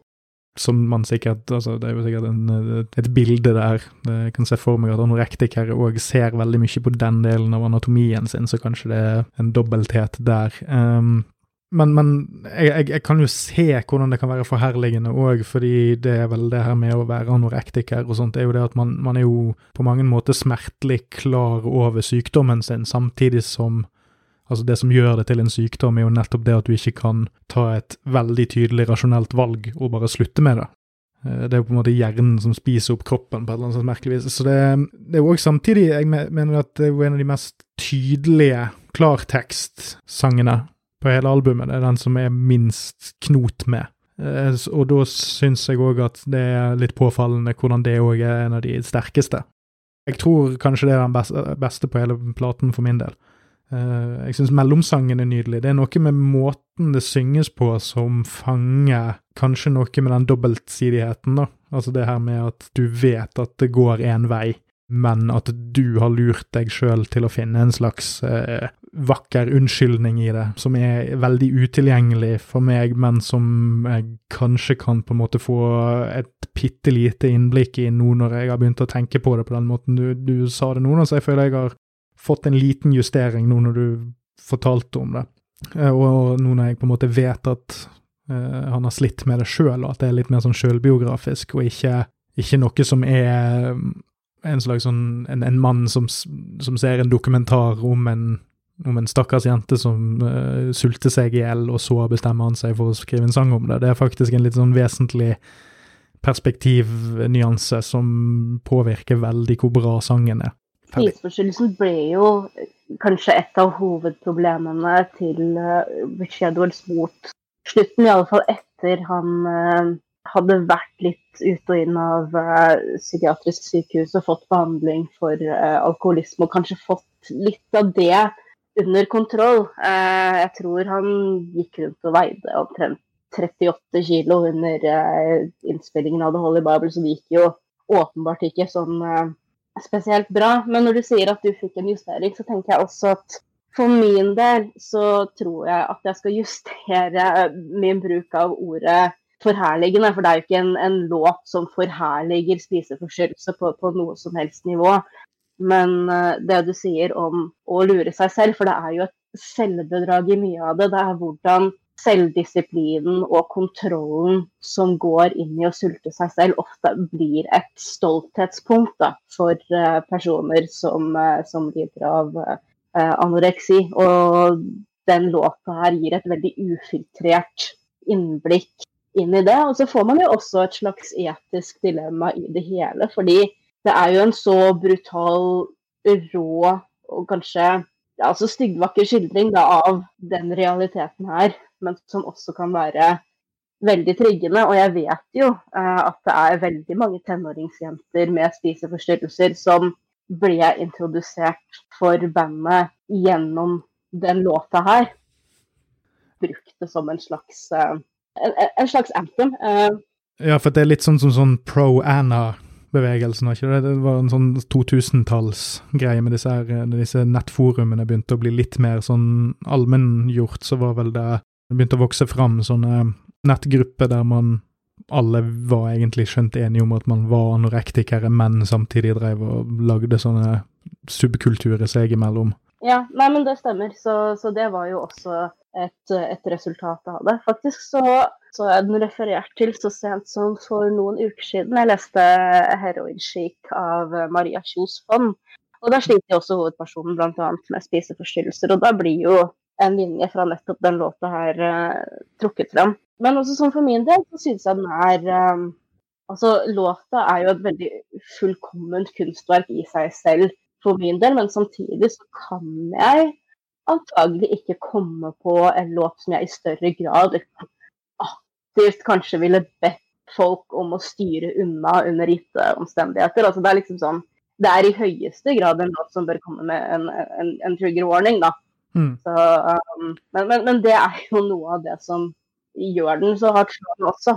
Som gjør den til det det er, da. Som er en helt ekstremt mørk og egentlig også vakker skildring av noe veldig komplisert og veldig vanskelig og veldig stygt. Ja, men jeg, er helt enig, og um, jeg tenker jo det at det der er jo en utfordring, for at når det kommer til f.eks. spiseforstyrrelse, så er det en såpass farlig ting for den det gjelder. Folk som allerede er i spiseforstyrrelsens uh, på en måte er fanget av det, er mye mer utsatt for farene ved det enn f.eks.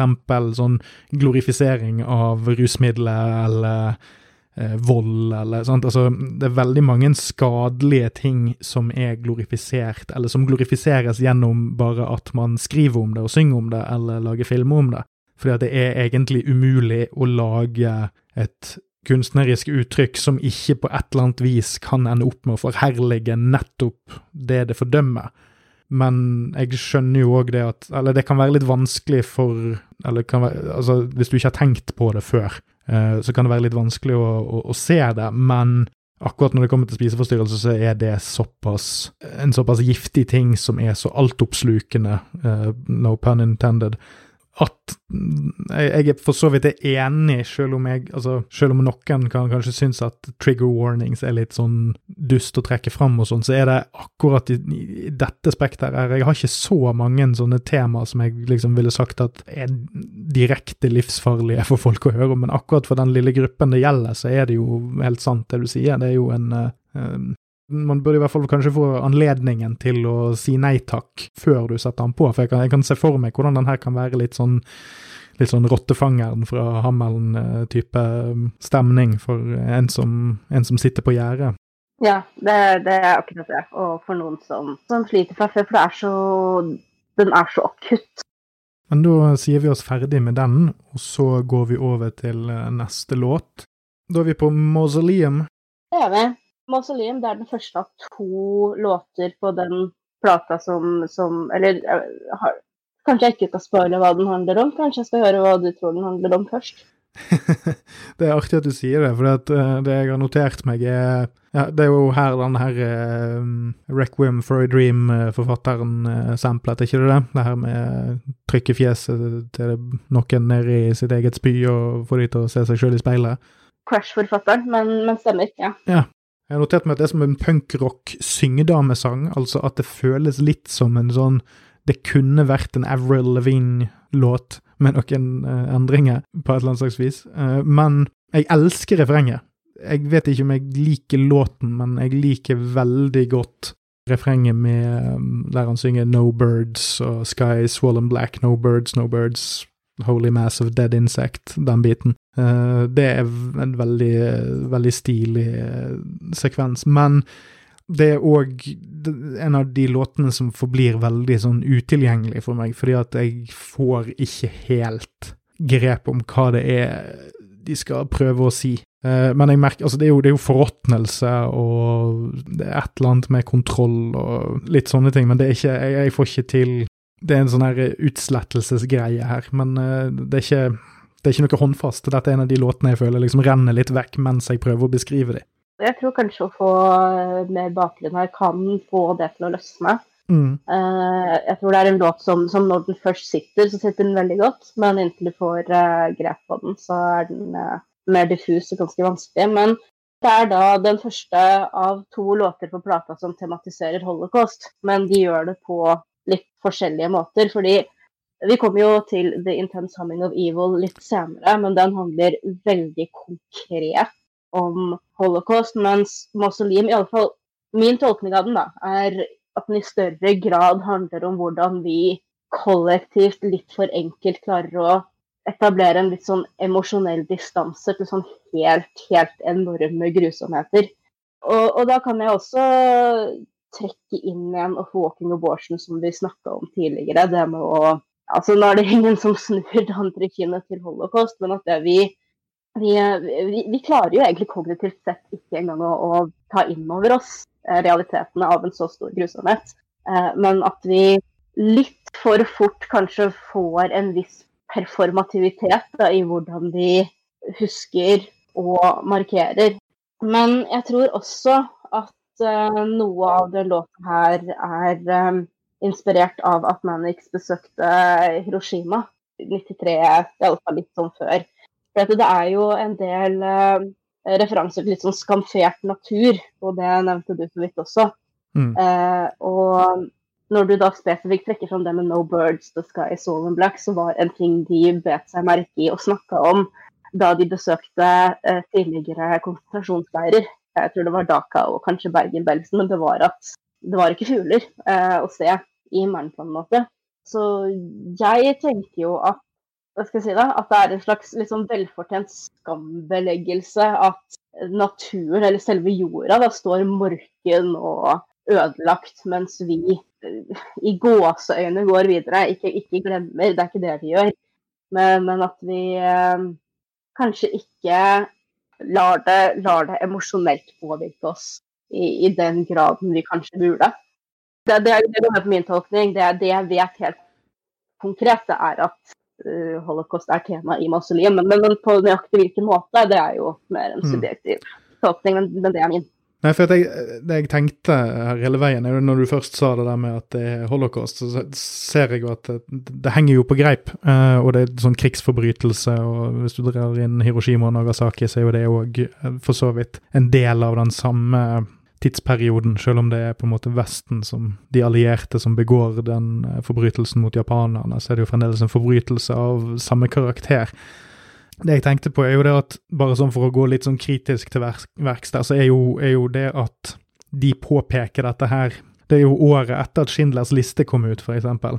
Og de sin generasjon er nok den generasjonen som har tatt inn over seg eller den første generasjonen som tok inn over seg eh, holocaust. Eh, for det var jo en ting man, man, snakket nesten ikke om det før godt ut på 60-tallet. Det var først da ting begynte liksom å løsne opp eh, internasjonalt, med måten man ja, at man liksom begynte å si sånn Øy, var ikke det en litt sånn drøy ting som skjedde?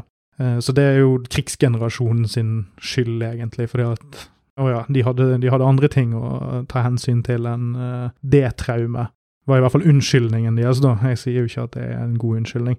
Jeg vet jo ikke hvor gamle disse er, men jeg regner jo med at de er sånn 60-talls Født seint 50-tall, tidlig 60-tall eller noe sånt. At de er 25-30. Så, så vintage uh, Gen X. Ja. Det er liksom det er den generasjonen, og så er det millennials. Er de som på en måte har vokst opp med det som en, en sånn ting som prosesseres. Så, så jeg, Nå høres jeg kanskje litt sånn kritisk ut, men det er sånn og det er litt feil av meg å si det om en holocaust-sang òg, for det er jo et veldig godt budskap og sånt òg, men jeg får òg litt sånn den følelsen av at ja, men nå var den en av de største filmene året før denne platen kom ut, handlet om holocaust, og lagd av en jødisk regissør, og ja, så da, da blir på en måte sangen mer i den tradisjonen enn at den er så bitende eh, som jeg tror de kanskje har hatt lyst til at den skal være. Jeg syns The Intense Humming of Evil er bedre, sånn sett, for jeg syns det fanger en annen Altså, det, der er det i hvert fall en, en stemme. Både enig og uenig, fordi hvis jeg siterer riktig fra min hjerne nå, så har du den uh, linja som er uh, I come and I walk down memory lane, uh, no one sees a thing but they can pretend, som også er en slags um, Og her tror jeg at det liksom har blitt faktisk stadfesta at det er en referanse til hvordan vi kan betrakte den typen ting gjennom underholdning, da, enten det er i Mm. form av en dokumentar eller en spillefilm eller hva enn. Men Eller en sang. eller en sang. Så slik sett så sparker de også til seg selv. Men, men men at det på en måte fortsatt er en litt for stor emosjonell enig eller uenig i, i den settingen her. Men jeg tror at de har tatt også den delen i betraktning. Men jeg er fortsatt 100 enig i at Intense Hummering og 'Vivo' er eh, eh, en, en, en bedre låt, da. Den, den formidler budskapet sitt mer konsist. Mm. Vi kan gå videre til, til Faster. Mm.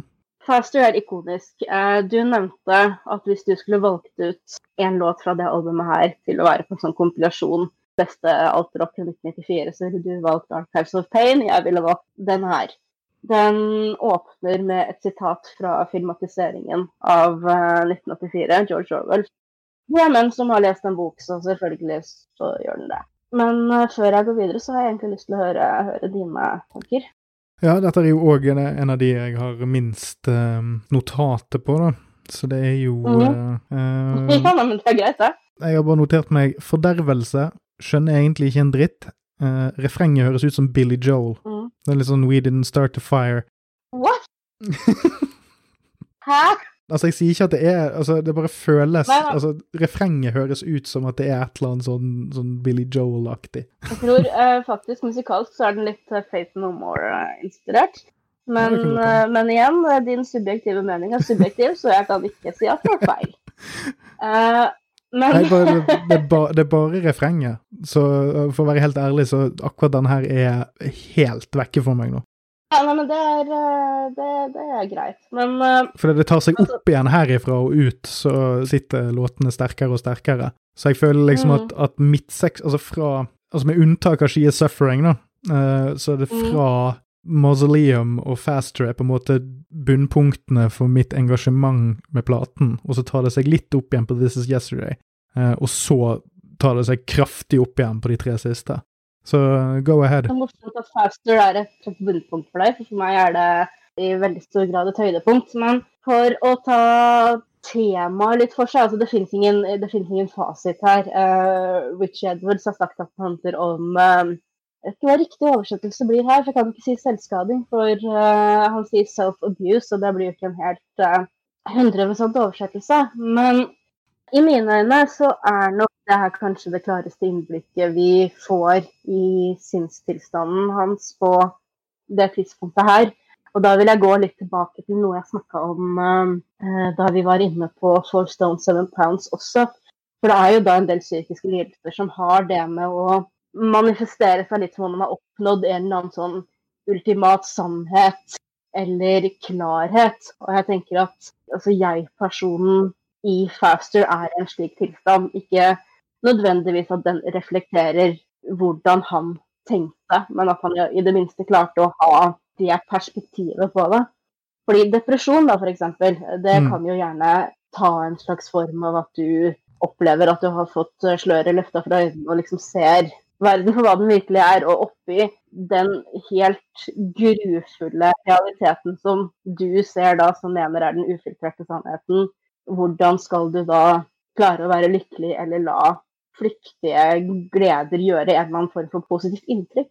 Men jeg leser da Fauster fra perspektivet til en person som er veldig syk, og som fra utsiden betraktes som nettopp syk, som destruktiv, selvdestruktiv, mens personen selv eh, opplever og opphøyer seg selv til et sånn misforstått nihilistisk geni. Så f.eks.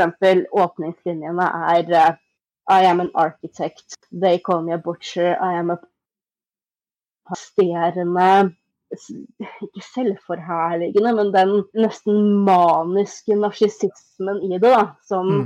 kanskje dekker en veldig sånn destruktiv kraft. Men jeg vil også si at hvis det er en låt som yter bandnavn rettferd, så, så er det antagelig den her. så, så, ja, det er iallfall det eh, slik jeg leser den, da, at dette er en person som er ekstremt syk, men eleverer seg selv. Eh, mm. Opplever selv at han har nådd en, en, en innsikt som, uh, som plebeierne rett og slett ikke klarer å forstå eller hanskes med når du sier det på den måten der, så står det litt tydeligere for meg nå når jeg ser eh, beint på teksten her. Eh, og så får jeg korrigere meg litt på påstanden min i sted, da, fordi det er ikke sånn at dette nødvendigvis er en sånn eh, endelig dom over akkurat denne låten.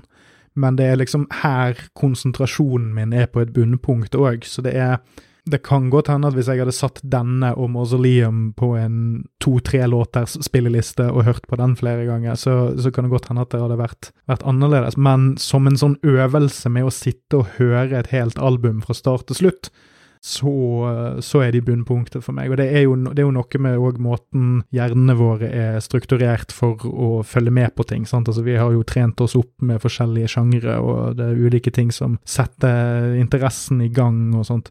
Så det kan òg hende at jeg har ytt materialet litt lite rettferdighet sånn sett, for jeg tror kanskje de eneste låtene jeg har hørt isolert, er de tre siste. Det var egentlig bare fordi at jeg liker de tre siste veldig godt. Men resten av albumet har jeg bare hørt i sekvens. Eh, så det påvirker jo òg litt hva som blir fremhevet, og hva som liksom blir plukket opp, da. Men jeg skal definitivt gi denne her en sjanse til i morgen. jeg skulle gi deg på en måte et tips til en å, å ta et litt sånn dypdykk i, så vil jeg si at det her er en banger. Så det, mm. det er jeg veldig for at jeg skal gjøre. Det er klart, uh, sitter den ikke, så sitter den ikke. Men uh, det er jo også, og det her har vi vært inne på fem ganger, det er at det her er jo et vanskelig album å konsumere. Mm. Når du skal sitte og høre på den her fra begynnelse til slutt det er jo som om noen tar en julevisper inn i hjernen din på ganske mange forskjellige måter. Så, så jeg vil ikke føle at du har um, Jeg husker ikke nøyaktig hvilket begrep du brukte i stad, men du, du, du fremstilte det som at du på en måte ikke hadde ytt denne låta rettferd, men det, det er jeg ikke enig i. Den uh, den krever litt, altså, er lett fordøyelig. Ja, også, men eh, jeg tenker jo vi må prøve å male et bilde for de som hører på òg. Så det er sånn, jeg prøver å være litt ærlig på at om jeg misliker noe, eller noe ikke nødvendigvis sitter, så er ikke det nødvendigvis bare fordi Det er ikke nødvendigvis bare min vurdering. Det kan jo vel gjerne være det også, men, men eh, i dette tilfellet her så er det òg en sånn utmattelsesgreie. Så jeg har liksom lyst til å skille litt mellom de tingene jeg kan si konkret om noe, og de tingene som mest sannsynlig skyldes utmattelse. Nei, men da kan vi gå videre til, eh, til uh, This Is Yesterday. Den andre av de to uh, låtene som uh, Nikki Wire har skrevet teksten til. Og igjen den korteste. Og igjen den korteste. Mm -hmm. Og igjen en av de få låtene som er i, i relativt klar tekst. Mm. Jeg tror ikke det er så vanskelig å, å tolke den her. Men jeg betrakter jo den her og neste låt, som vi kommer til å snakke om etterpå, 'Die in the Summertime', som litt to sider av samme mynt, bare at den her er overhodet ikke like mørk. Så kort oppsummert så handler det da om å lengte tilbake til barndommen fra standpunktet til noen som ikke akkurat har det helt tipp topp. eh, men den her har en mer sånn eh, mild og melankolsk tilnærming. Og slik sett så reflekterer jo også melodien det. Men uh, Hva skal jeg si? Jeg, jeg tror melodisk så kan du kanskje sammenligne den litt med She Is Suffering, men jeg syns at uh, kontrasten i den låta her versus resten av albumet fungerer i dens favør. Det syns jeg ikke nødvendigvis med She Is Suffering. Jeg, jeg fikk litt sånn rusbruksassosiasjon, jeg. At man å føle seg som en sell-out og sånt. Det var, altså, men det kan jo òg ha noe med uh, denne, denne nostalgilengselen, altså tilbake til barndommen og sånn. Så det er sånn, jeg følte òg at han her hadde en litt sånn chill radiohit-konstruksjon. Altså litt mer som en sånn 'Å, det var ikke det fint på sommeren når vi var små'-følelse, da spoile at det sterkeste rusmiddelet Nikki Wire noensinne har brukt, er Paracet. Så, så, jeg kan avkrefte akkurat den rusbrukteorien. Altså, jeg, jeg, vet ikke helt om jeg formulerte meg riktig, men det var bare et eller annet med Jeg tror det som Nei, det, for så vidt. Jeg, jeg, tror det der, i hvert fall det der med å føle seg som en sell-out. The only way to gain approval is by exploiting the very thing that cheapens me. Ja, slik sett så, så, så stemmer det jo. For det handler jo også da litt om sinns prøver å, å virkelighetsflykte inn i minner om barndommen og den mm. nostalgien. Det var sånn, Jeg følte at dette var en sånn oppsvingslåt, men det er igjen jeg merker, det er liksom disse tre låtene her de, jeg eh, tror jeg kanskje de jeg har færrest notater på, totalt sett. Uh, så det kan hende at jeg har trodd at de har gitt mer inntrykk. Eller den her tror jeg jeg likte bedre enn Faster og Mausoleum men igjen er den litt sånn nullet ut. Eh, kanskje fordi at jeg eh, de tre siste har tatt opp mye mer plass. Så jeg har egentlig ikke så enormt mye mer å si der, men jeg har desto mer å si om The Die in the Summertime. Er meg til. Altså, This is Yesterday er jo vi, vi, kan egentlig kalle det et, et lite pusterom i veldig tung materie. Ja, det føles litt sånn. Og runde av med den karakteristikken, egentlig. Mm. Ja, fordi da er vi over på nummer 11, Die in the Summertime, og oppløpssiden, som jeg vil kalle det. Fordi her, hvis vi ser vekk fra Four Stone, Seven Pounds, som, som er kanskje den mest bunnsolide låten, eller den mest Ja, før dette, uh, så tror jeg kanskje Die in the Summertime er den før den diskusjonen vi hadde i sted, så var i hvert fall Die in the Summertime favoritten min. Det kan hende jeg har motsagt meg sjøl underveis her, men eh, det får nå bare så være. Eh, jeg liker introen veldig godt. Eh, jeg syns at gitarlyden de har gått for, er veldig stilig. Føles bitte lite grann sånn vagt, sånn midtøstensk. Ikke hva du mener med det. Jeg har bare ikke Jeg har aldri funnet helt riktige ord til å bruke på det. Eh, og så er det noe med at det Altså, kanskje det underbevisst fungerer litt, for man assosierer jo med Midtøsten, og sånn så assosierer man jo med at det er varmt, og at det er det, liksom, det, det er døsig. Altså litt sånn ørkenlandskap, får jeg i hvert fall av den gitarlyden der. Og det er jo litt artig, for jeg, jeg, føler at den i hvert fall er til en viss grad bokstavelig. Jeg føler i hvert fall at det er en av de mest bokstavelige sangtitlene. Uh, så sånn uten å se på teksten, men bare å se på det jeg har skrevet ned, så får jeg både en følelse av at man ikke har lyst til å eldes, Uh, og igjen, litt sånn som This Is Yesterday, en slags nostalgi og tilbake igjen til barndommen. Uh, da man liksom var pur og rein og uh, u... Ja, altså liksom uforpurret.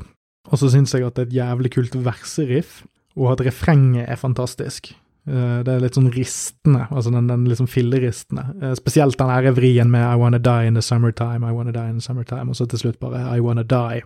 det er liksom Ja, punktum. Den ja. er brå.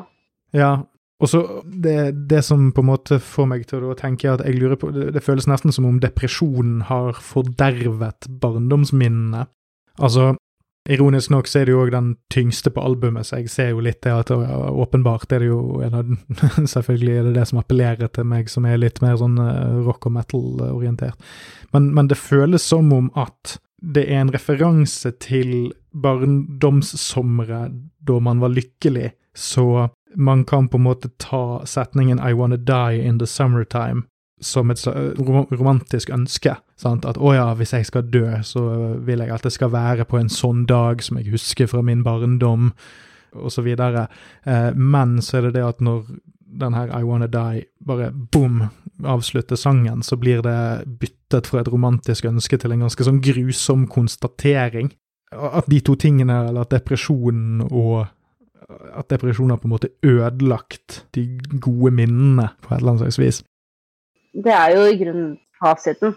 Det du um, Altså din, din tolkning der. Uh, mm. Og da kan jeg også trekke inn igjen det jeg nevnte om This Is Yesterday som en lignende tematikk, det med å, å lengte tilbake til barndommen. Men i Die in the Summertime så er jo da den fordervelsen, den depresjonen så sterk at den eskapismen ikke lenger er nok. Man har nådd det punktet hvor man da faktisk vil dø. Og helt, helt konkret så har jo det blitt stadfesta om at det, det, da er da en viss romantisering. Det å ville dø under helt like omstendigheter som den barndommen man har eh, idealisert. Så der er du helt eh, 100 på ballen. Så jeg har egentlig ikke noe å tilføye til den tolkningen heller, for den er, eh, den er 100% Og så ser man også en litt sånn eh, Det er en slags gjennomgående eksistensiell angst. Det er den frykten for forandring, frykten for å bli eldre og bevege seg lenger og lenger bort fra den barndommen. Uh, låta åpner jo med 'Scratch my leg with a rusty nail, padley it heals', og så farger han håret, men det vokser ut igjen. Så det, mm. Den, denne personen vil jo på sett og vis stagnere, men klarer ikke å gjøre det. Og når derfor det bristepunktet hvor han ikke lenger kan flykte inn i det. de barndomsminnene. Akkurat som du sier, da, hvor det da rett og slett bare ender på I wanna die, mm. uten, mm. uten noen fortsettelse der. Så du er, du, du er som nevnt helt korrekt.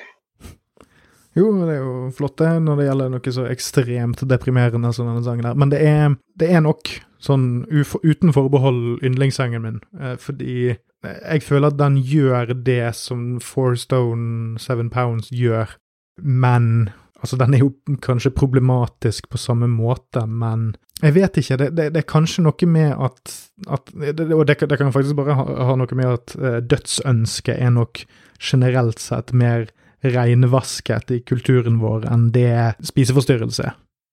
At mm. denne lidende kunstneren som ikke klarer å leve med galskapen sin lenger, at det, at det er så romantisert at kanskje det påvirker hvorfor jeg syns den her er så bra. Eh, men det er òg litt det at jeg, jeg føler at den òg har et sånt sjeleskrik. Altså at, at den klarer å være vakker samtidig som den er ekstremt ekkel. Spesielt på refrengene. Det er bare et eller annet med hvordan det blir Altså for eksempel I've crawled so far sideways I recognize dim traces of creation. I wanna die, die in the summertime. Jeg skulle til å dra frem akkurat, eh, akkurat samme linje, faktisk. Det, det, er på en måte en av de mest brutale linjene fra hele albumet. Uh, i, i, mine øyne, uh, i alle fall.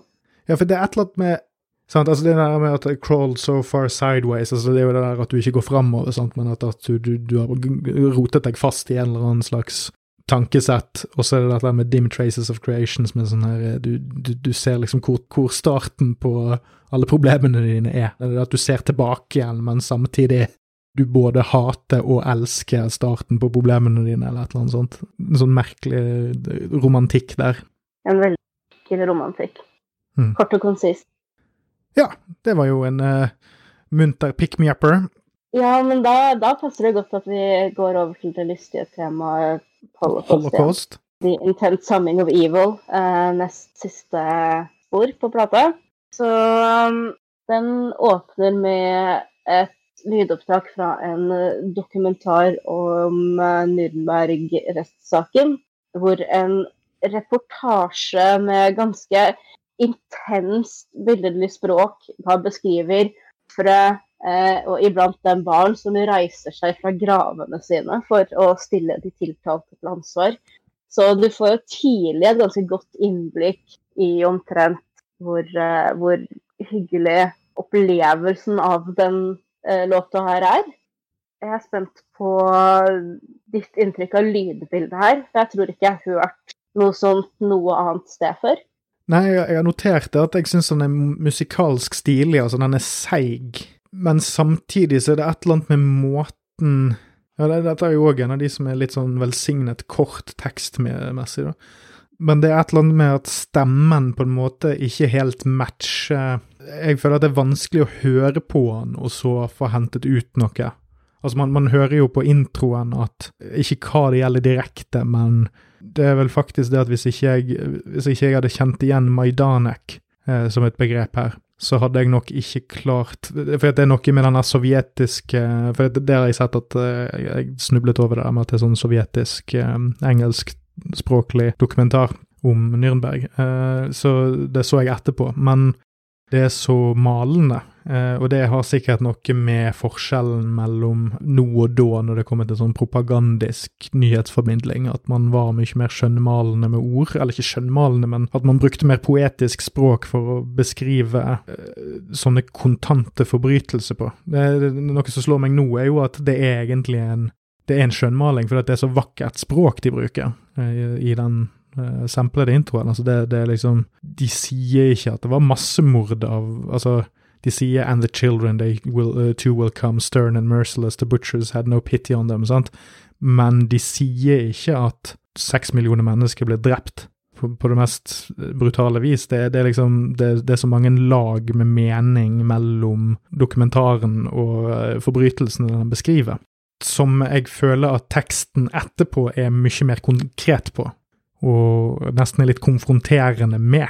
At, at teksten til Manix er mye mer Hei, dette er eh, det som skjedde, folkens. Altså, hvis jeg snakker og skal snakke om uh, lydbildet igjen, så har du jo ganske tidlig så har du en sånn veldig lang, skingrende pipelyd, og den er og skal være helt jævlig uh, mm. å høre på. Jeg tror ikke jeg syns den er like jævlig som katta, som får nervesammenbrudd hvis den låta har kommet på. Men som du sier, altså er jo Den er seig. Den er slepende, og den er haltende. Uh, mm. Den er uh, Altså, det er en skrekklåt. Det finnes ikke så mange skrekklåter, tror jeg. Men, men noe av det mest skjellsettende for meg da, i den teksten som Det motsier jo egentlig overhodet ikke det du sa heller, om at uh, de til og med klipser litt og sier hei, det her uh, er det som faktisk skjedde.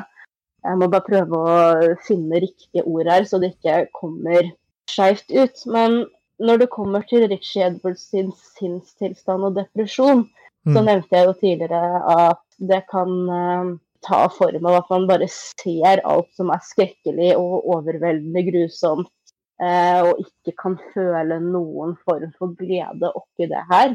Og det er en linje som jeg tror kanskje de første gangene jeg hørte den plata her, bare reagerte veldig på. Og jeg følte hva er det? det er egentlig det motsatte. Men linja er uh, 'Lives that wouldn't have changed a thing, never counted, never mattered'.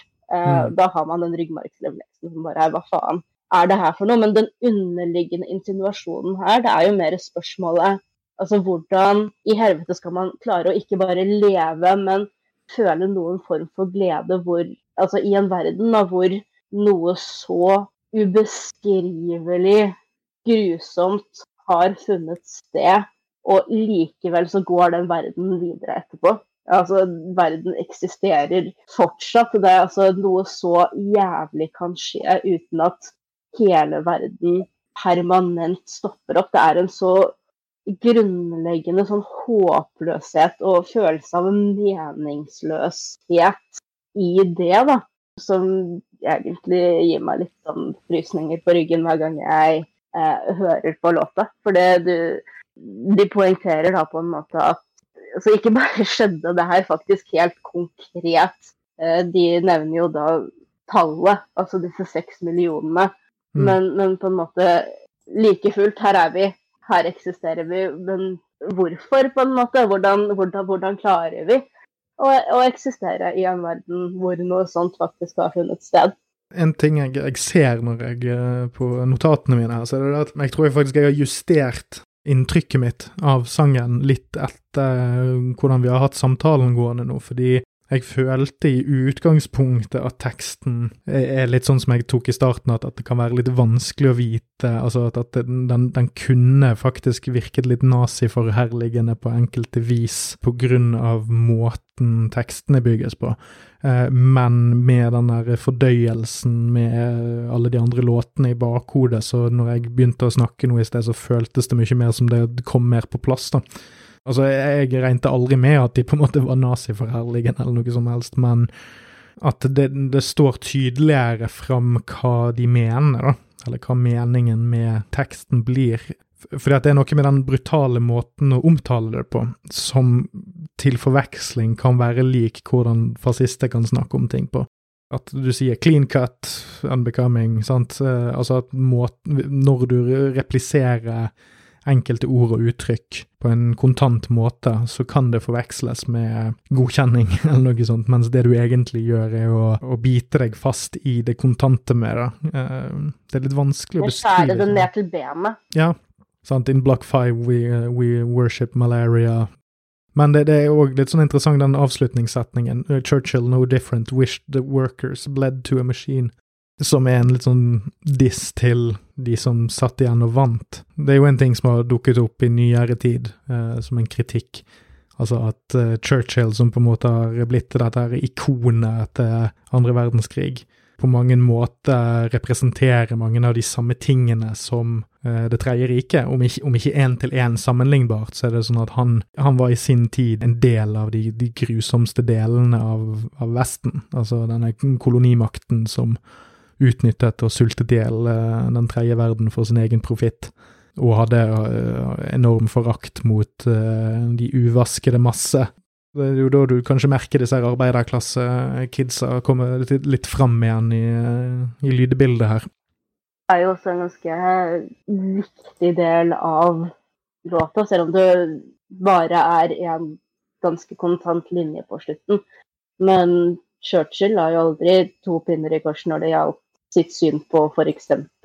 afrikanere, eller eh, hvordan han ville utrydde kommunistene. Så der vi historisk sett kanskje da har tenkt på de alliertes kamp mot eh, Nazi-Tyskland som en ideologisk kamp, så var det jo for noen som Churchill mer en kamp for å bevare det kolonialistiske Storbritannia. Og det er jo egentlig det Mannix også vil kommunisere med den ene linja. Det er, eh, det er jo en, en, en, fordømmelse også av egne, eh, holdt jeg på å si. Og det er jo også altså igjen det de vil gjøre gjennom hele albumet. Å dunke menneskets fjes i sitt eget spy. Mm. Ja, og så sånn, eh, Før jeg glemmer det, så er det jo Husk meg dette, for det er jo sånn, det er lett at noen kan, kan si sånn Ja, men å, dette er hitling. Å, nå, nå drar du Hitler inn i det. Churchill var ikke Hitler. Så nei, men det er jo det som er problemet med nazismen eh, og, og, holocaust, er det at der fikk vi liksom en slags peak. Det er industrielt massemord. Det er toppen av menneskelig ondskap. Så enhver sammenligning vil virke absurde, fordi at ja, men Churchill lagde jo ikke masseutryddelsesleirer for indere. Så da blir av forbrytelsene Det tredje riket sto for, så, kan, så ødelegger det for veldig mange eller veldig mye sammenlignbar kritikk, da, nettopp fordi at altså, du kan ikke ta over en fjerdedel av, uh, av kloden og legge det under deg med makt, uten at det betyr at du har knust enormt mange menneskeskjebner.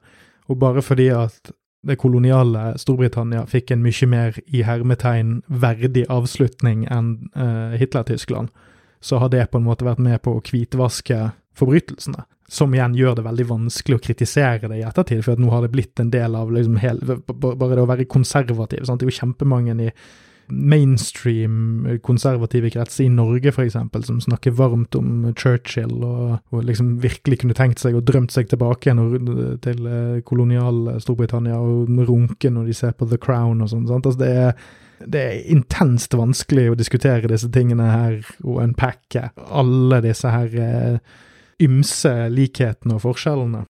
Skal vi da bevege oss til eh, avsluttende spor på The Holy Bible, PCP. Ja, og den har jeg da tolket som at står for Politically Correct Police.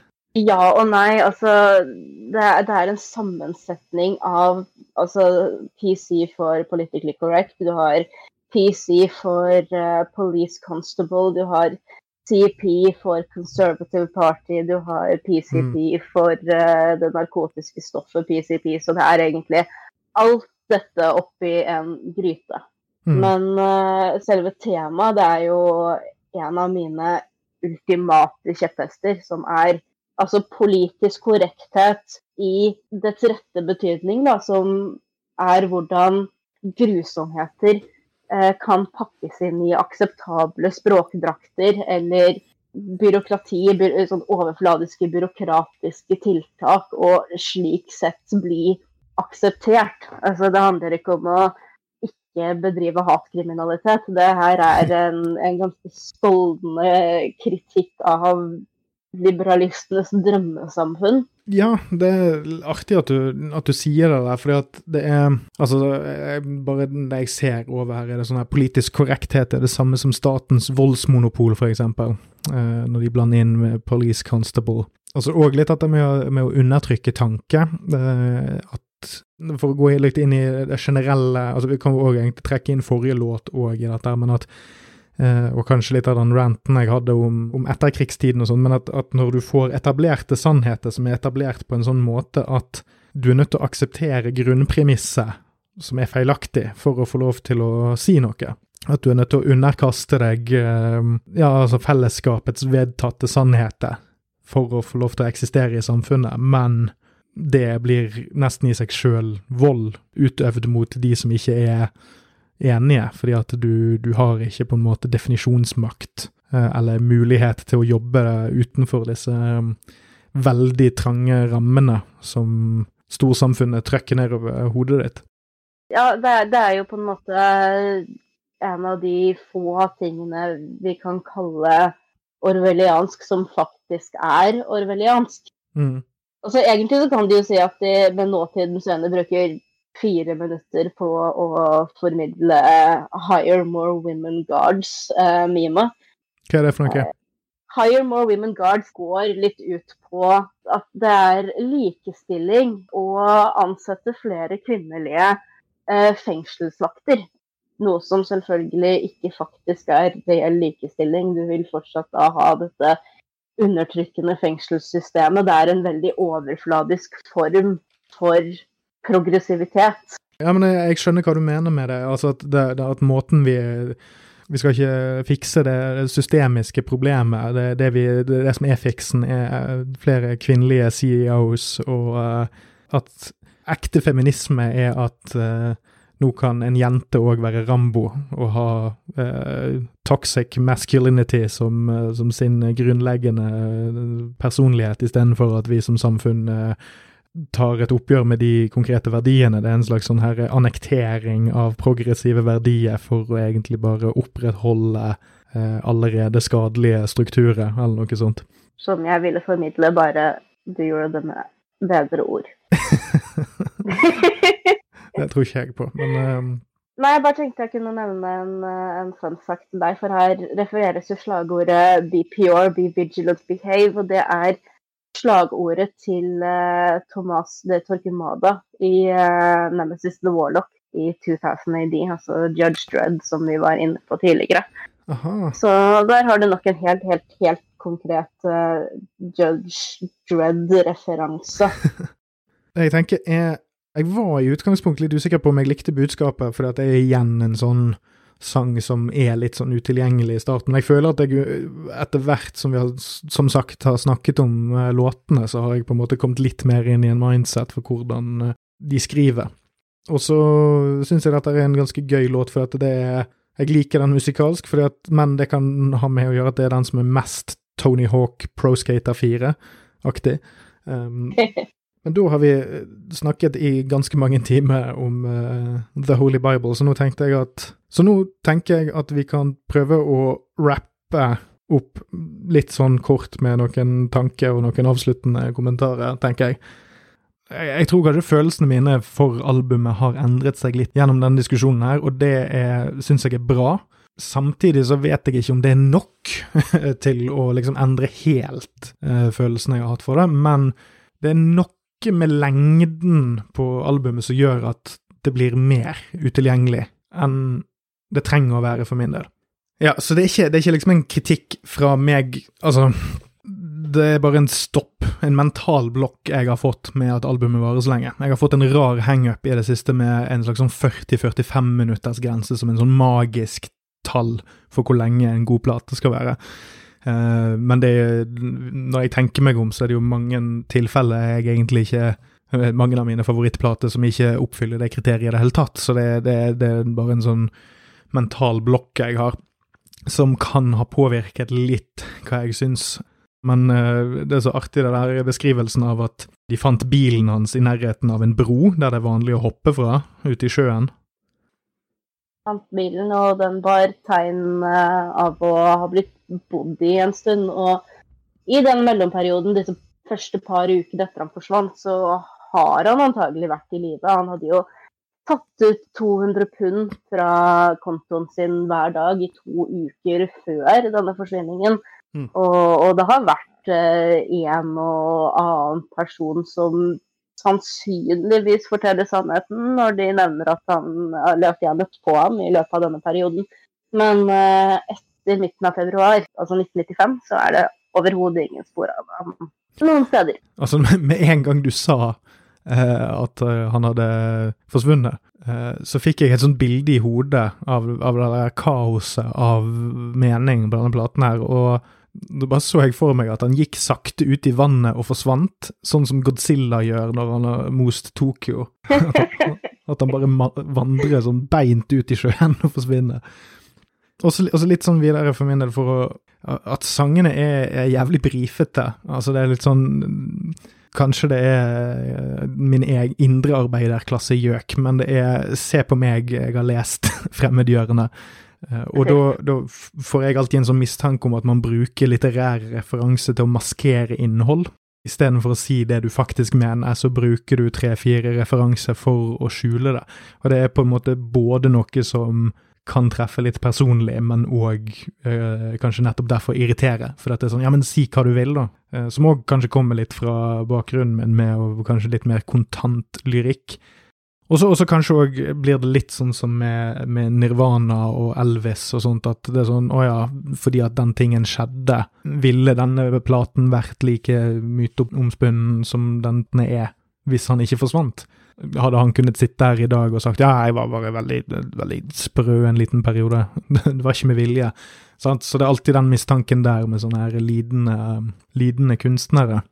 Jeg vet ikke om den ene tingen kunne skjedd uten den andre. Jeg tror at med det albumet så var det kanskje aldri noen mulighet. Jeg tror kanskje dette albumet var den uh, Four Stone Seven Pounds-grensa uh, i en litt annen psykisk form, kanskje. At uh, det kunne aldri endt på noen annen måte enn de gjorde.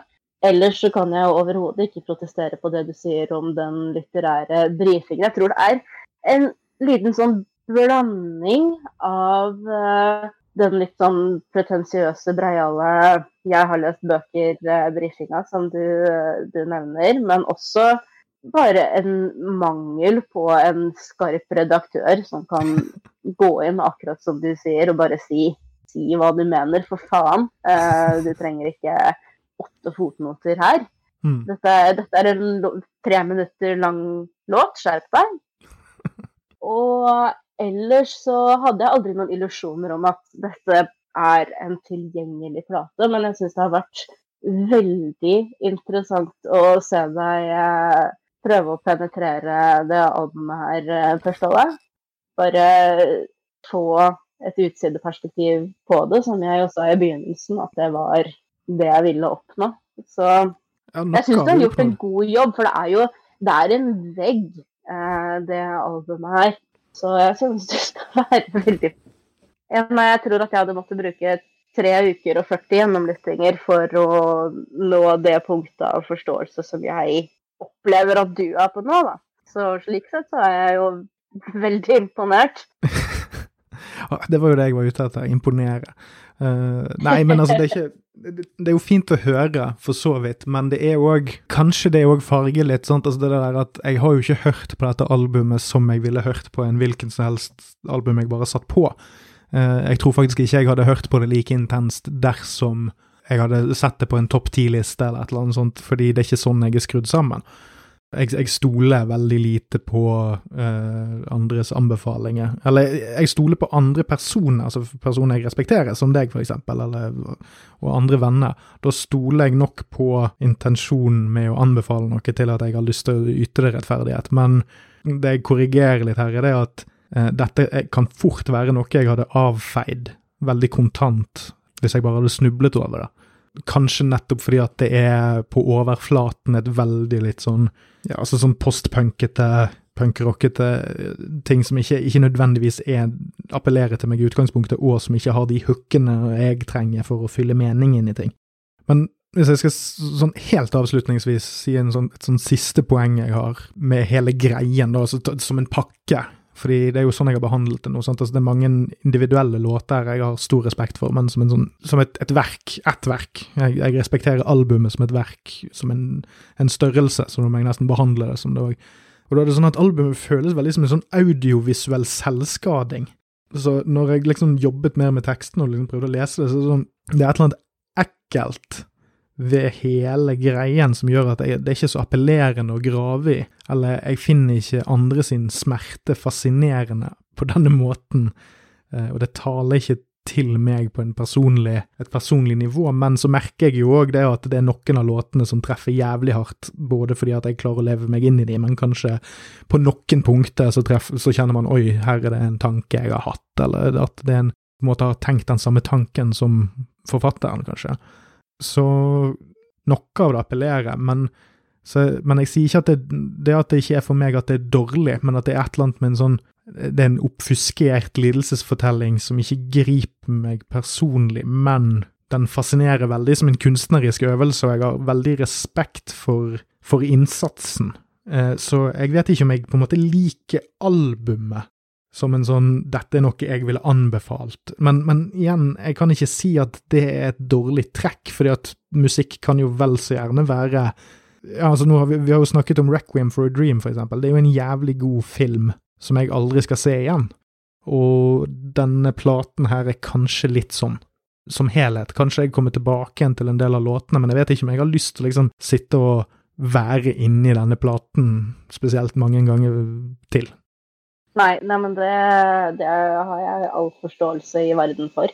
Eh, kanskje det er et sunnhetstegn eh, overalt. Eh, det er ikke akkurat det albumet jeg griper til når jeg er på det beste stedet mentalt, f.eks. Nei, jeg har jo prøvd å være litt ærlig på at det er jo definitivt ting her som appellerer, og som jeg kjenner meg gjennom. Kanskje der er noe av ubehaget kommer. sant? Eh, at man enten identifiserer seg med ideen, eller at man klarer å leve seg inn i eh, måten det fortelles på. og det vitner jo om at det er bra, men det liksom i hvilken grad kan du kalle det bra? Er det bra som A Hard Day's Night av Beatles er bra, eller er det bra på samme måte som Schindlers liste er bra, eller Requiem for a Dream er bra? Sant? Altså det er det, er en grunn til at de driver vits om at de drev og klinte til Schindlers liste i Seinfeld, for, å si det sånn. Det er noen stemninger det bare ikke passer til. På et personlig plan så kan du i det minste skilte med at du kjenner meg litt bedre nå. Jeg skulle jo ønske at det popkulturelle produktet jeg kunne presentere for folk som fikk dem til å kjenne meg litt bedre, var Space Jam. Men uh, dessverre så er det en gang sånn at det er The Holy Bible. Så ja, altså, det er jo Ekstremt. Uh, ja, nei, men det har vært et veldig formativt album for meg, og jeg kan ikke si med sikkerhet i hvor stor grad det har forma meg, men jeg vet at det har forma meg. Sånn, definitivt. Sikkert på, på, godt og vondt. Og har da grodd seg fast uh, til meg som, som en, en del av meg selv.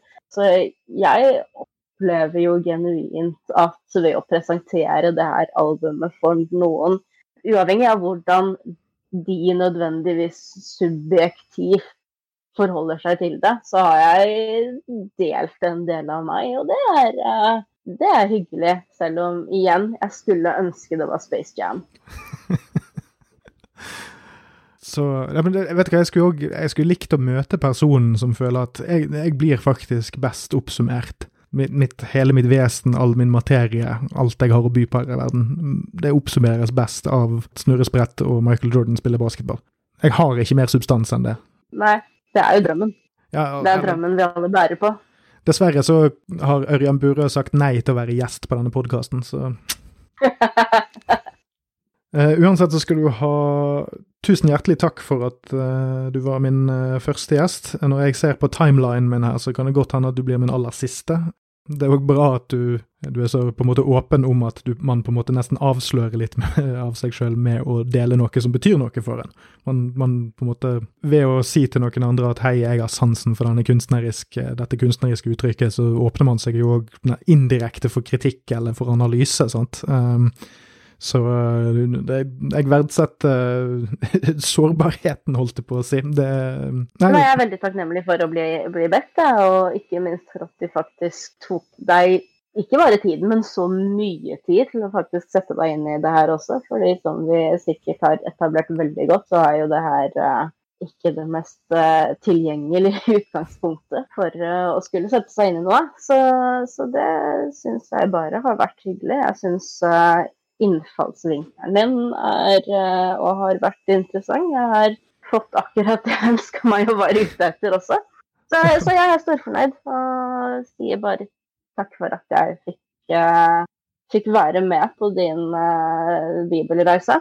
Det er jo en dannelsesreise, dette. Det der å sette seg inn i andre folk sine Det er ikke liksom bare klassiske filmer og de tingene som er på topp ti, men det, jeg tenker med disse gjesteepisodene, er kanskje det der å først og fremst sette seg i noen andre sko, da, noen jeg eh, syns er interessante å snakke med, og som har eh, gode ideer om ting.